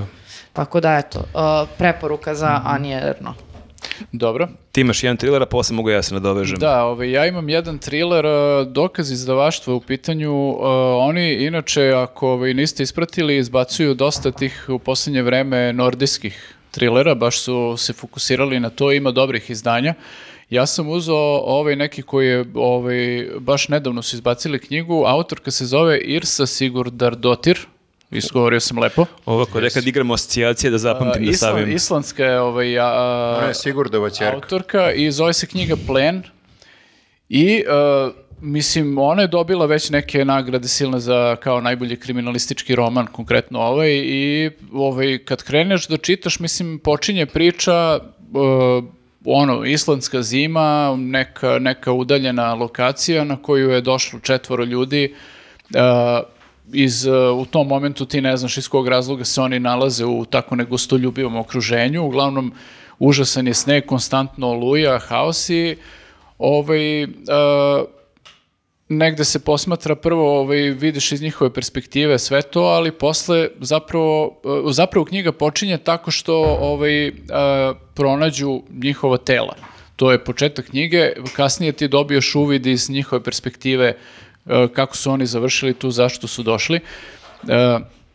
Prati se ono nekoliko linija radnje, to jest nekoliko ovaj, grupa aktera praktično kroz celu knjigu i sad ja kao sve vreme čitam i ovaj kriminalistički roman, to mi je u glavi. I e, sve u jednom trenutku se pitam hm, kako je ovo kriminalistički roman jer u jednom trenutku kao to malo ide vuče na neko ono na neke paranormalne stvari. Malo te ovako ovaj navlače. Što malo ima i horora. Pa kao, da, nije horor ono u nekom klasičnom smislu, više po atmosferi, tako malo je onako je, jezivo. Ma Island, mrak, bre. Da, da, i ovaj, Evo i još jednog romana koji neće pročitati. uglavnom, uh, sve vreme te oni negde navode na taj trag i uh, posle dođe do razrešenja na kraju i saznaš ti sve lepo, ovaj, ali to bukvalno ne smem ništa da kažem da, da ne bih spojlovao. Uh, z- pitao sam si zašto se zove knjiga Plen, čiji plen, ko je plen i sve to. Možda pleni kao pa Pleni, da, dosta, dosta imaš ono kao nekih tih uh, ovaj, uh, dilema dok čitaš. Znači, dok čitaš, nemaš pojma šta se dešava i malo si zbunjen, ali na kraju sve dođe na svoje. Na kraju, znači to je stvarno baš me onako malo pre dok sam i pričao o Billions kako su zaokružili radnju, pa me to podsjetilo. Bukvalno sam, ovaj, kad sam čitao ovu knjigu, kad eh, sam kraj knjige kako su zaokružili radnju i kako su, ovaj, i tek ti zapravo tad shvatiš koliko su te izvozali, ono ko... Ko bi rekla- majmuna. što bi rekla ili savjeta ko majmuna, ona celu knjigu. To bi bio dobar opis na koricama, izvozat će vas ko majmuna. Jeste. Ali ne, ono, konstantno ona drži sve vreme, znaš, vozite, onako vozite dobro i ti, znaš, kao i dalje do, do, samih, do samog kraja ti ne kapiraš o čemu se radi i onda te u tom nekom ono, ovaj, završetku zakuca onako i razjasniti sve i ti si u fazonu, baš ti treba onako vremena malo posle kad završiš knjigu, da malo onako staneš, da iskuliraš i da kao razmisliš šta se desilo u stvari. Jer nekako ovaj, a, jako je teško tako pisati stvarno, da, da imaš ono, da, da toliko voziš radnju u jednom smeru i da onda bukvalno samo tim finišom uh, zaokružiš celu priču i da, da, da to izvedeš. Nisam mnogo takvih trilera čitao. Mislim, imaš tu razne neke metode koje koriste pisci trilera ovaj, da, da ovaj, ili te ono navedu na neki pogrešan trag ili na, na ovaj, tako neke stvari koriste, ali ovde nije to, ovde je ovaj, uh, prosto koristi tu atmosferu sve vreme i onda samo napravi taj preokret na samom kraju, ovaj, stvarno je fantastično određen. Uh, ima još par ovih knjiga, mislim, mož, bar još jednu uh, je izbacio dokaz, uh, njenu, tako da ovo mi je prva, nameravam da, da uzmem da pročitam još, ovaj, još nek, nešto njeno, ali ove neke ostale autore nordijski, pošto ovo je baš, baš dobar thriller. Da, dobro zvuči. Ja bih se nadovezao, u sličnom smo žanru i dalje, domaći pisaci u pitanju, Otvolt Vanji, e, pre Kako je to domaći pisac? Ajde. vidi ovo, ra- radikalka se javlja. E, Polje Meduza, Laguna izdavač izašlo je pre, ja mislim, manje od mjesec dana. Ja sam vidio da je ovo krimić, da je thriller, što više puta sam govorio nije žanr koji često čitam, što više mislim da je posljednja knjiga tog tipa bila baš Deca zla kad je izašla pre nekoliko godina. Tako da kad sam vidio da je izašao neki naš novi krimić ili thriller, kao ok, vjerojatno ću preskočiti, ali onda je jedan moj drugar i Facebook prijatelj, e, tvoj zemljak e, Đorđe Kalijadis e, iz Brusa, napisao je takav jedan hvalospev na Facebooku ovoj knjizi. E, toliko lepo objasni zbog čega ova knjiga njemu se toliko dopala da sam je tog dana kupio i jako mi prijela, baš zato što ne čitam često ovakve knjige i ko je ljubitelj takvog žanra obavezno neki pročita. E, Zaplet je e, priča o jednom čoveku koji je bio novinar i onda je prestao da bude novinar i postoje detektiv. I sam početak baš onako malo me podsjetio na, nek, na moju ra- davnu, ono, ranu mladost kad sam čitao, ne znam, Raymonda Chandlera i te neke detektivske romane. Tako taj početak u vozu ima toliko tih nekih klasičnih detektivskih dijaloga, tako neki lakonski, replici, e, lakonske replike, onako sve brzo, sve je onako, sve je onako tačno na mestu, sve je isprogramirano. E, baš ima ta- taj neki ambijent. A priča je o tome da taj e, narator je posljednja generacija ili jedna od posljednjih generacija koja je služila vojsku JNA u vreme stare zemlje i on je tu bio jako dobar drugar sa nekim e, vojnikom iz Slovenije. I tog čovjeka nije video 30 godina i više i sreće tog čovjeka, u- on je već postaje detektiv, i sreće tog čovjeka i on traži od njega da proba da nađe njegovu ženu koja je nestala pre 10 godina. Ona je nestala pre 10 godina, on je mislio da ona otišla s nekim svojim ljubavnikom, ali taj ljubavnik je nestao i e, on se pomirio sa tim, ali ona je napustila njega i njegovu ćerku, koja je tad bila dete od, 5, od 6-7 godina, ali sada njegova ćerka je sada devojka i ona hoće da nađe svoju majku i da je upozna i da je ona od- odgovori na pitanje šta se desilo što je ona njih napustila. A ubrzo otkriva da je, pored te žene koja je nestala, pre 10 godina, da je 89. godine u Rovinju nestala i njena majka, koja je, za koju se veruje da se udavila, ali njeno telo nikad nije pronađeno. I onda on kreće da istražuje i tu shvata ubrzo da su ta dva nesta- nestanka majke i ćerke verovatno povezana. I sad dalje kreće da se to račva priča, da da ne otkrivam šta se tu e, dalje dešava. Ono što je meni bilo jako zanimljivo što ima taj neki lokalni moment, pa se mnoge, e, mnoge stranice dešavaju, ne znam, i u Manježu i negde e, u Svetozara Markovića, u tom nekom kraju gde sam ja išao blizu u srednju školu, pa mi to negde bilo zanimljivo, dešava se i u Rovinju jedan deo, ali u svakom slučaju onako vrlo te lepo vozi od poglavlja do poglavlja, baš sam na tebe pomislio, zna- znam da voliš takve knjige, bilo bi zanimljivo ako bi se snimio i neki film ili neka serija po ovoj knjizi, tako da kažem, ko voli krimiće, zaista možemo ovako s ponosom da kažemo da je to naš autor jako, ili savjeta dovodi u pitanje, ali lepo je da je evo kod nas takva knjiga izašla, a i ko nije toliki ljubitelj krimića poput mene, neće se pokajati, meni baš prijelo da malo za promjenu čitam neke malo drugačije knjige, tako da eto, Jel bi, jel bi mogla serija da se napravi? Pa mogla bi. Molim vas, nemam, nemam ništa protiv knjige ni protiv autora našeg Ne, domaćeg. ne, ti, ti, bi, ali ti, sam, ti bi odlepila da, ovo či- da se ovo ekranizuje. Ne, nego samo hoću da kažem, d- dosta više e, e, kriminalističkih e, serija i filmova. Što, ima dve, tipa Šta si ti, Đuričko? Što? Pa on je to rekao- pričao ovde dosta Da. više Pa ne, ubistava, mislim, stvarno. Dajte malo, jel ima još neka tema kojima A dobro. Ti si gledala zmajeve sada. Ovo je više misterija. Znači, Pa i ovo je evo misterija. da, te, da se d- o- onda o- ogradim do, dovoljno. Znači, ni misterije, ni krimići, ni ovo okultno, ni uh, rat, ratne. Ali morate kažem, ti ne moraš da gledaš te serije. Ne moram, ja bih voljela da gledam više serija koje su, brate, malo se bave ovim, kako bih rekla, ljudskim, normalnim, svakodnevnim temama. Pa mislim, nemoguće da nas zanima samo d- d- ubistvo, rešenje, misterije i ostalo. Evo, ja To ti kažem, je- To ti je serija. ja kažem da ne čitam često ovakve knjige, nisam čitao pet godina ova knjigu ovog žanra, evo sad si me čitao i prijela mi, ali evo ja ću u narednih par knjiga čitati nešto drugo. Ja Ama, ne ću, pričam ti da Ja čitaš- ću u narednih pet podcasta samo introspekciju. Znači, lik se budi u sobi i gleda u plafon i razmišlja o svom životu. To je su Topilić knjige. Ima depresiju. Šta hoćete da kažete? Ja stalno čitam introspektivno. Pa dobro, stalno. Nije, pa evo preporučila sam. Nije. Evo, pričala sam o Dovlatovu. E, počelo je da se intros- introspekcija uživo. tu je nož iza, pazi Prošle što radiš. nedelje sam, pre, pre, pre, prošli pop kad sam pričala o poeziji. Evo, kažem ti, ako izađe jednog dana ova serija ili ovaj film, ne moraš da Ja gledaš. ću to da pročitam, ćeš- zanimljivo zvuči. Bit ćeš potpuno mokra, zaista, ako si od dece zla. Bogo, ne. Dražiću, to pogrešno zvuči, jebote, A nisam u da čuješ. Dobro, ljudi, šta smo slušali? Teško je preći Da, na da, sledeću sad- temu. Šta sam slušala, gospođo, ništa nisam slušala. A, fuck. Ovaj, ko će da počne? Evo, evo ja ću. Ajde. Mogu Ajde. ja. A, a, ovako, a, ako mi je film preporučio moj drug Kristijan, a pre- muziku mi je preporučio moj drug Dragan. A možda? Aha, dobro. Kiki i Dragan. Kiki i Dragan, jeste, a, moji dobri prijatelji. A, Dragan mi je otkrio Suki Waterhouse. Šta? Molim? Suki Waterhouse. dobro. Suki ovaj surreal. Ne, nije Suki Suzuki, nego Suki Vodena kuća. Dobro. A, u pitanju je mlada b, pevačica, kantautorka, ja mislim da je. A, Strana. Strana, jeste. A, I ona zvuči onako malo između, nije Lana Del Rey, ali ima te primese. E, mnogo mi je više nekako odlučnija i seksi ona nego, nego Lana. Lana mi čak ide u neku možda i ne znam, njanjavost u nekom trenutku. Ova nije. I mnogo mi se sviđa. A, S kim se svađaš sada, čekaj? nije.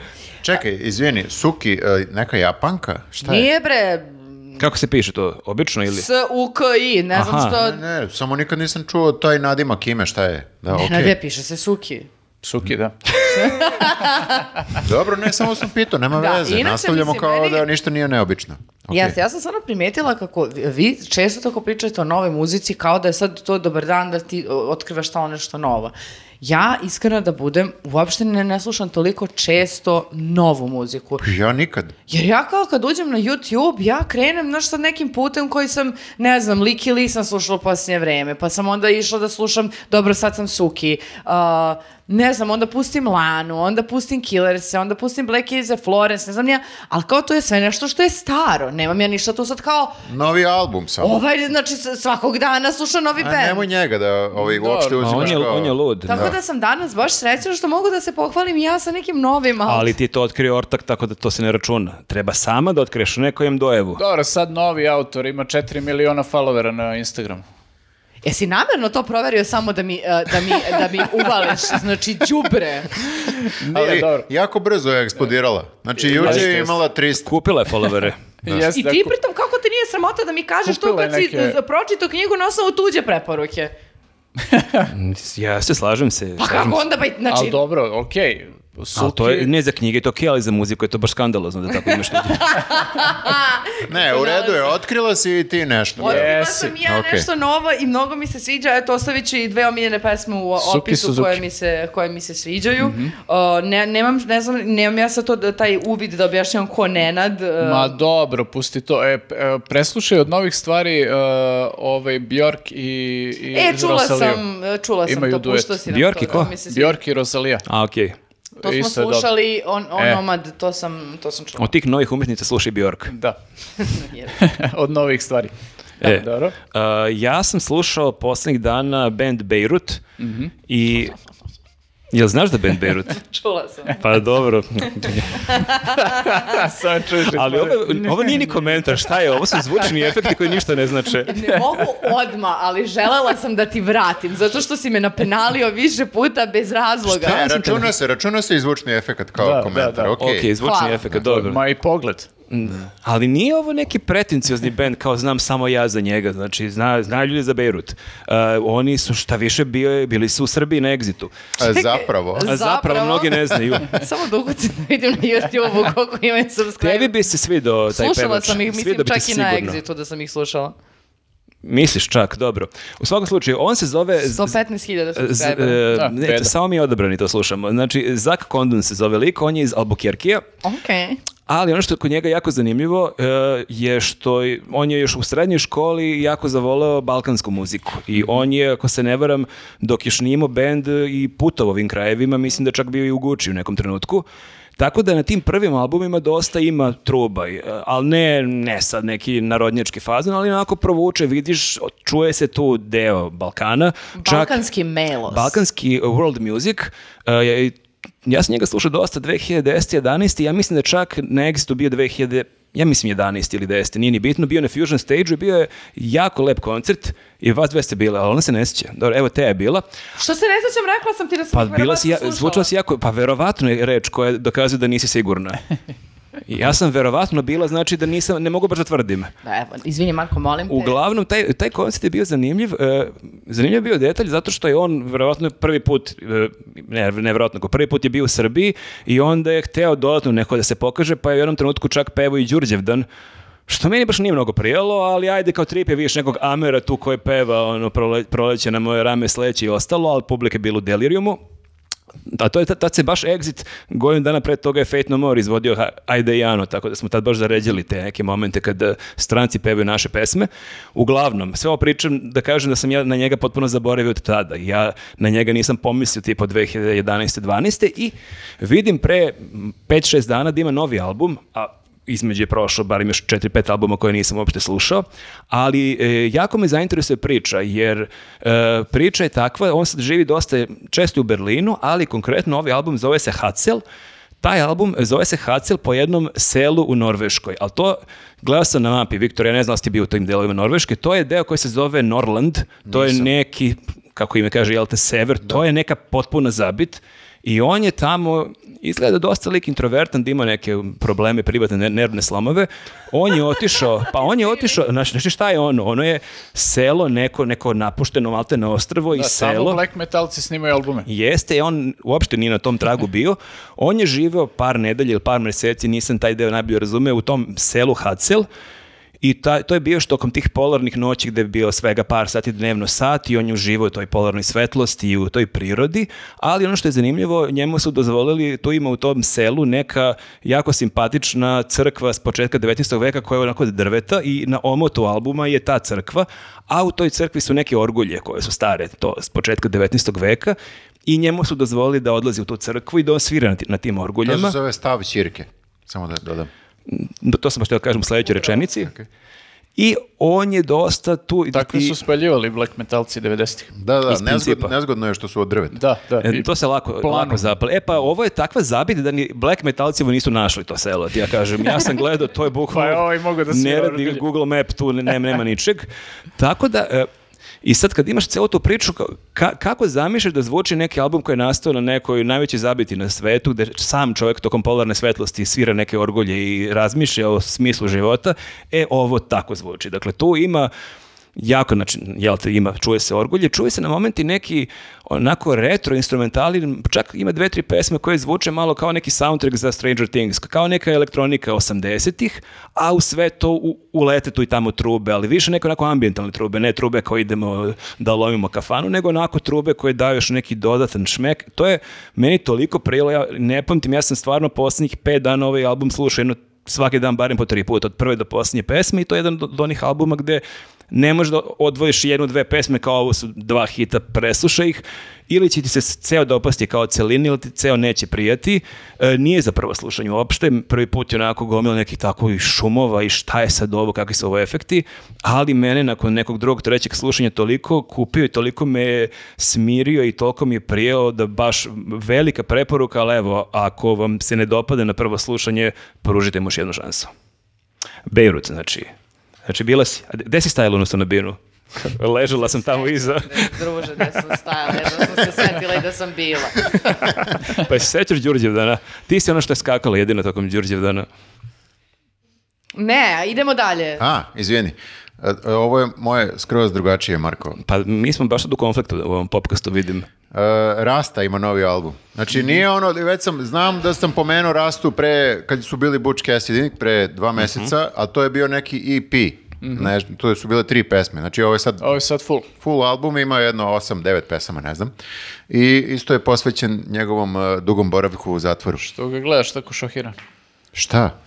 Ne, hoću da kažem, uh, ok je album, Uh, ima stvar koja nije ok, a to je da je bio jako kratko u zatvoru da bi ceo album posvetio boravku u Da, zatvoru. da, i pa snimio je film čovjek o tome. I film je snimio što isto ne ide u prilog, znači ne radi se o godinama e, bivanja u zatvoru, nego se radi o mesecima. Znači samim tim U, šta bi nam radio da je bio godinama, brate, snimao bi A čekaj, svaka pesma, sezona. svaka pesma u svaka zatvoru. pesma je u A zatvoru. čekaj da te pitam još nešto. Jel Da. se o zatvoru i c- razlozima zbog kojih je završio u zatvoru priča iz nekog, eh, kako bih rekla, romantičarskog pozitivnog ugla ili on kaže da je pogrešio i da neće više nikad? E, ne kaže nikad da je pogrešio, ali e, se čuje da je pogrešio zato što je e, patnja u pitanju. Znači on bi da izađe iz zatvora. Samim tim verovatno shvata da je pogrešio. Ne, nego mu je samo pati zato što je u zatvoru i želi da izađe napolje. Da, ali znaš kao u fazonu... Ali da li bi to uradio opet?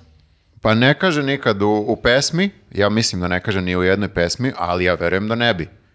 Jer kao, e, kako ti kažem, nekako ne bi valjda sve pesme bile u fazonu, ja, žao mi je što sam ovde, da nema te introspekcije, evo, sad smo se opet vratili na to, i e, sazreo je rasta u smislu da e, nikad on nije toliko koketirao sa ovim balkanskim melosom što smo ga pomenuli, ali ovde ga uopšte nema, što mi je do Svaka jaja. Lepo. Svaka čast, znači Karibijan, Ima regija. Afrobeat, reggae, reggaeton. Reggaeton, da. Nema ovog podsaharskog vašeg uh, bluza. A nema bombina. Nema Ne. podsaharskog bluza.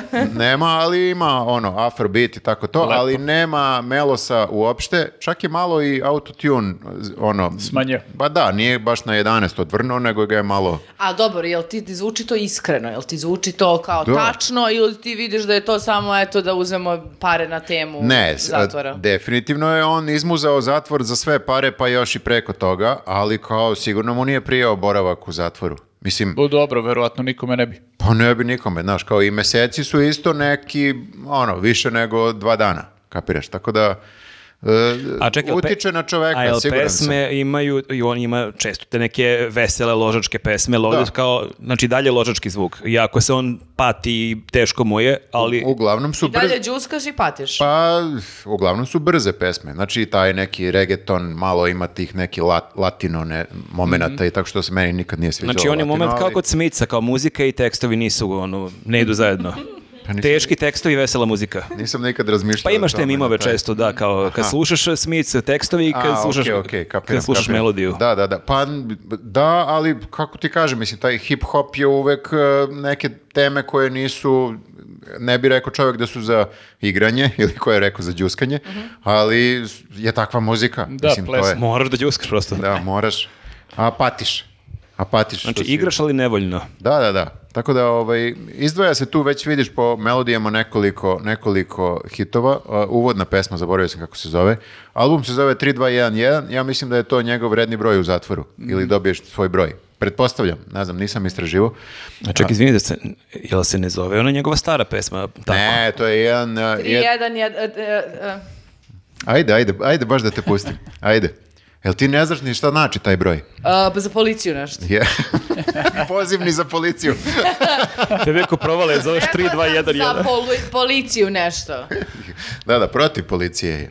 Uh, 1, 3, 1, 2. Aha. Šta znači? Ajde, šta znači? A, acab. Acab. Eto, acab. Ha, Sve, sam pogodila? Jesi? Da. Ali, Znači- ali šta Nema, znači nema. acab? Šta znači acab? O, o, all cups are bastards. Pa bre, Bravo, kidaš. Ja kidam Kidaš taj, ovaj kriminal. a, kidam taj ulični... Da, da, za neko ko ne voli krimići, dosta kidaš kriminal. Da, To je da. opšta kultura. Gledala je de, decu, decu zla, tako da. A šta gledala bila u seriji? Ma da. ja, ovaj pogled, ovaj pogled ubija. Ej, e, tako da, eto, pohvala za Rastu i eto, Rasta je konačno nekako, kako bih rekao, e, pre je bilo, to je mu- muzika za klince, pa nekako ti je žao što ti nisi klinac kao u fazonu... Da služ- slušaš to, da. Da, da slušaš Da se to. identifikuješ. A sad je Rasta jedan od nas. Znači, Ne, ne. ostario je, sad je naše godište. Rasta, jedan od nas, Ne, mi ne, nismo pa bili moraš. u zatvoru. Svi smo mi rasta. Ne. Mislio sam po godištu. Moraš, Pre je bio da- mlađi od nas, 10 godina, sad je naše godište. Moraš u jednom trenutku i muzički da sazriš, da šutneš te klince i da... A čekaj, nastaviš znači dalje. nema više teksta to loženje, Lamborghini, ono, Kavali. spoileri i to. Ne, nema. Nema ništa. BMW i Audi, to sam naučila, se? Nema, nema, sa, Benz saz- ili Bima. sazreo je s te strane, možda ponekad po, pomene neki, neka kola, mislim, to ne možeš da izbegneš baš mnogo u hip-hopu, ali nije cela pesma o, kako bih rekao, o tome koliko sam Dobro, ja... pozdravljamo, Pa da, pa pozdravljamo tako- što je pronašao Tako novu je i Miley kad se popela na onu kuglu. Ovo je u stvari rastina kugla. Album. A ovo je u stvari rastina kugla. Jedna. To, rešili smo i to. Nenade, šta, šta ti imaš novo za Nenade, nas? zablistaj E, ja imam, pet minuta. uh, imam da pomenem jedan EP koji je izašao novi i pomenut ću koncert na kojem sam bio. Uh, EP je Pendulum je izbacio novi EP. Mhm. Posle 100 godina uh, ono diskografske neaktivnosti imali su album 2009. poslednji. Tad su bili u SKC-u i na Exitu nakon Jeste, toga. i taj album je bio stvarno fenomenalan, dupli album Immersion i baš je ono svašta bilo na njemu. Uh, sad su izbacili EP koji se zove Anima i ima nekih četiri pesme, čini mi se, ako ne grešim, uh, i uh, bukvalno su nastavili tamo gde su stali na, na ovom prethodnom albumu uh, i dalje su u fazonu da kao digli su ruke potpuno od onog uh, drum and bassa, ono uh, izvornog, znači nisu više čist drum and bass, nego sad kombinuju i taj rock i svašta nešto. Uh, imaju i sad opet neke goste iz metal sveta kao što su imali na prethodnom albumu. Imaju i par, ovaj, imaju jednog uh, jako dobrog repera za kojeg sam ja prvi put sačuo, ne sam ni da mu ponovim ime, ovaj, uh, koji je baš dobar u jednoj pesmi, pa sam ga malo googlao, inače ovaj, ima zanimljive pesme. E, tako da ja ne znam ovaj, kad će da izbace ceo album, ove četiri pesme su ono, i, ima i tog kao ono, nekog elektro ro- roka i ima ovaj, onih nekih njihovih e, kako bi, e, imaju oni taj neki ono nije, nije kalipso, nego ne, ovaj, tropical vibe u pesmama često. A, kao rast. Evharisto. Da, isto kao, da, da. Evharisto. Ovaj, Pa možda kao neki... Evharisto. Bravo. Ovaj, tako da imaju ono i, i onih nekih klasičnih njihovih pesama, ali imaju i to malo. Su i oni bili na. Exitu? Jesu, Jesu, više s tim što, da. ja moram da kažem, ja sam sad malo razočaran, ja više volim kad, je, kad su oni izvorno u drum and bassu. Ja Pa sam i dobro, dalje malo šta? zarobljen u A ti tim... voliš drum and Ja bass? jako volim, Pazi, mislim, volim, ali- ne slušam često, ali ja sam, što više ne postoji. ja sam obožavao drum and bass i sad nekad kad trčim pustim, a to neke, ono, Ed Rush i ne znam, Da, da, to da. Pendulum i razne slične izvođače, ono Ronnie Size naravno, ali meni je recimo bolje bio njihov nastup u SKC-u kad je bio DJ set, Aha. Nego na Exitu kad je bio ceo band. Nekako, mm, tu si malo više gitara, ja I- hoću da. tu prljavu Pa dramčinu. Dobro, ali oni, oni su jako rano zapravo digli ruke od tog e, baš čistog drama i prešli na te neke gitare i to, tako da ovaj, mislim da ne verujem ja da će da se vraćaju oni na, na drum and bass. Jedino koliko organizatori nemaju para da plate ceo band, pa onda plate Zovu samo DJ DJ, onda je, to je, to je dobra varijanta. Jeste, da, tako da mislim da, mislim, vidjet ćemo kakav će album da bude kad izađe, verovatno će da imaju i oni neke drum and bass stvari, ali to je već odavno kod njih, e, znaš, stave od svega na album, pa ti uzmeš ono šta ti se sviđa, tako da mislim da će to da bude i onog, sad. onog našeg izlaska. Kad, Našeg izlaska. Da, kad smo te izveli na, kao na drum and bass, na Rahmaniju. Jao, bože, da, to je bilo, da, to je bilo jako zanimljivo. Da, tad sam jako redko izlazio, sam imao jako malu decu i onda sam bio na svadbi i onda sam došao nakon te svadbe, onako Jako svadbarski obučen, obučen, jako da. sam bio elegantan i malo sam popio na toj svadbi i bio sam u fazonu Viktor je najveći klaber koga znam. Vodi me- Maša isto. Viktor je Maša, Da. jedini pravi klaberi koje znamo. u tom vodimo ga na Rahmanija. Vo- vode me u ži- znamo da vo- voli drum and bass. Jeste, a ja nisam tipa bio pola godine nigde. A Rahman je umeđu vremenu kao pomerio se čovjek sa drum and bass. znači on kao sluša da. muziku. Jeste, da.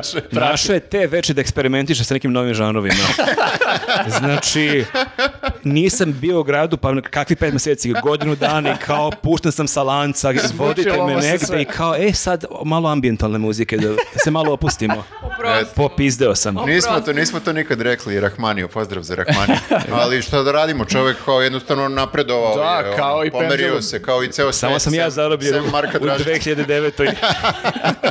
pa ne, šta je sledeće? Roni sad će da regije pušta, ajde bre. Dobro, srce želi što srce želi, pustite ga. E, Sada Da, neki eksperimentiš, kao- sad češće izlazim, Dobro, dobro. mogu, ali tad je baš Dobro, bilo kritično. Sljedeći put MC Dynamite, to je ono...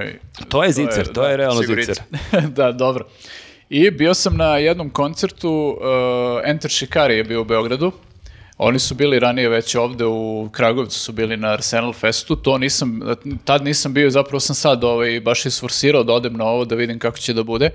U Domu omladine su svirali i e, pratio sam kako se, pri- kako se primiču ovaj, Beogradu, vidim da je ono prilično luda atmosfera na koncertima.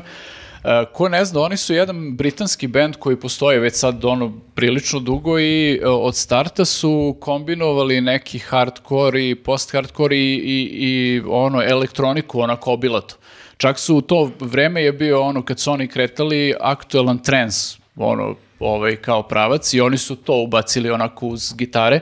I ja kad sam prvi put čuo njihov album bio sam šokiran i malo uvređen što ovaj spajaju takve stvari, ali ono kao preslušao, Beg your pardon. preslušam, preslušao sam album još par puta i bio u fazonu, brate, Ja kako- teško mogu da zamislim trance i hardcore kako zvuči kad se To, spoji. da, jer jako dobro funkcioniše, s tim što je to tako bilo kod njih na prvom albumu, oni su posle evoluirali, mislim i dalje imaju elektroniku, koriste, ali mnogo drugačije, ovaj, i pop sad ubacuju i svašta nešto, stvarno su jako ono, zanimljiv band za slušanje. Ja, E, naporno to, Nenade. Nije uopšte.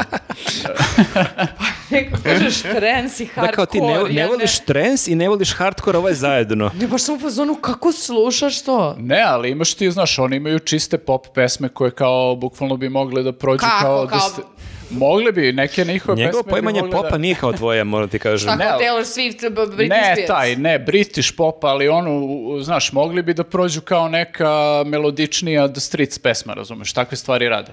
To, ali to bukvalno, znaš, ubace takvu pesmu potpuno neočekivano na album, tako da ovaj, dosta su eklektični.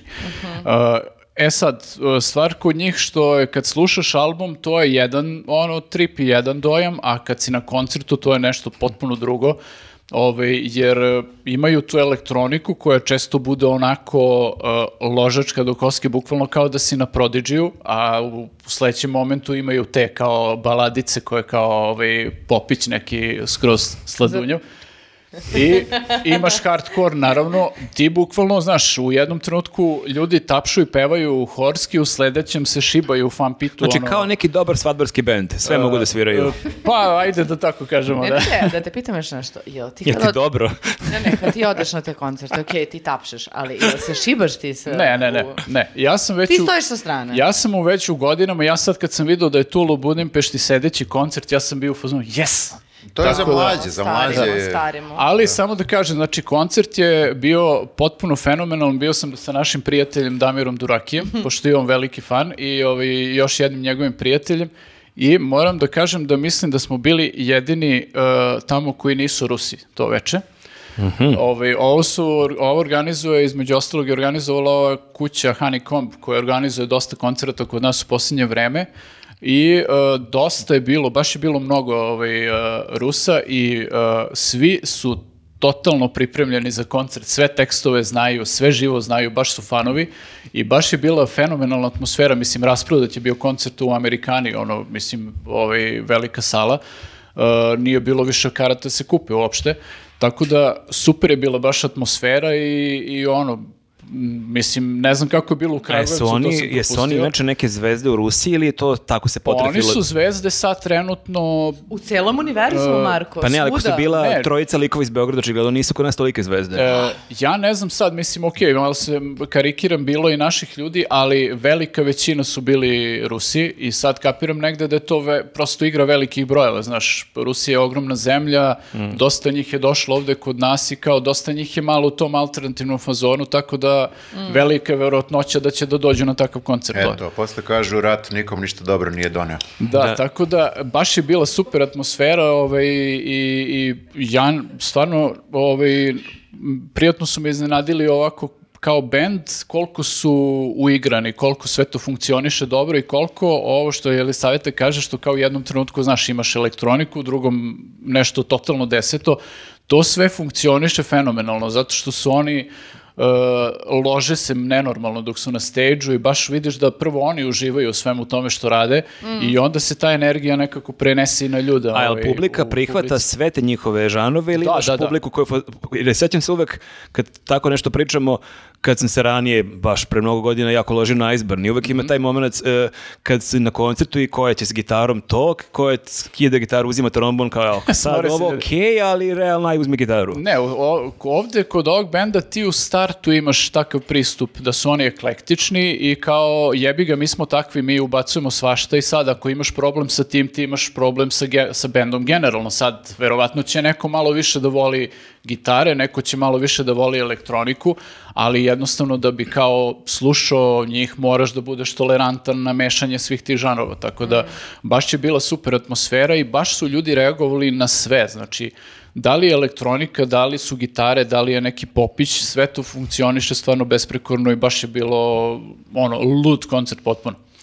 Tako da eto, to mi je ono baš bio utisak. Još sam ja bio ovako zbog ovih nekih svih privatnih dešavanja. Uh, baš mi je nekako lepo lego zato što ovaj, uh, u pravom trenutku je došlo da se malo, da mi skrene misli od ovih tih nekih stvari, tako da o, fenomenalno. Ako imate prilike da ih gledate i kao volite to da, da, ovaj, da se svašta meša, ono od muzike, ono nemojte propustite. E pa lepo. Jesmo došli do kraja ili Ja bih nek- za kraj samo nešto preporučim. Nisam stigla da gledam predstavu, ali i nešto što je više kao neki performans sa muzikom, a nije musical, gledala sam. Dakle, ovako, u Kvaci već dva puta je organizovano veče de- e, Dukat iz Stray Doga ima kao o, priče i pesme. Sad je zanimljivo, to me podsjetilo zato što si malo prepomenuo Smice. A, šta je u, kako u nekom ne, delu nekom neslaganju između njihovih prič, njegovih priča koje su vezane za konkretnu pesmu i same pesme koja je užasno nežna i onako ona melodija sve nekako sanjivo a priče iza toga uopšte nisu ni sanjive ni nežne vrlo su i duhovite i snažne i zajebane i kao um, nisam uopšte očekivala to. Mislila sam bit će neke nežne priče i sad će onda peva uh, muziku Stray Doga. Znači on priča preko svog sviranja. Ne, on priča o pesmi i onda otpeva tu pesmu. Ispriča a, priču okej, okej, koja je vezana... kao- A šta, ispričat bi ti prezamišljao to neki gangster rap? Ne, ali uh, nisam prosto očekivala to. Stvarno, mislim, ja Dukat je ovako privatno znam, ni, nije, uh, ali me iznenadio prijatno. Nije sad samo dodatno, nije nije neku vrednost. Meni se jako svidjelo i to što je užasno to intimno i malo, znači to ima 50-ak, 70 ljudi.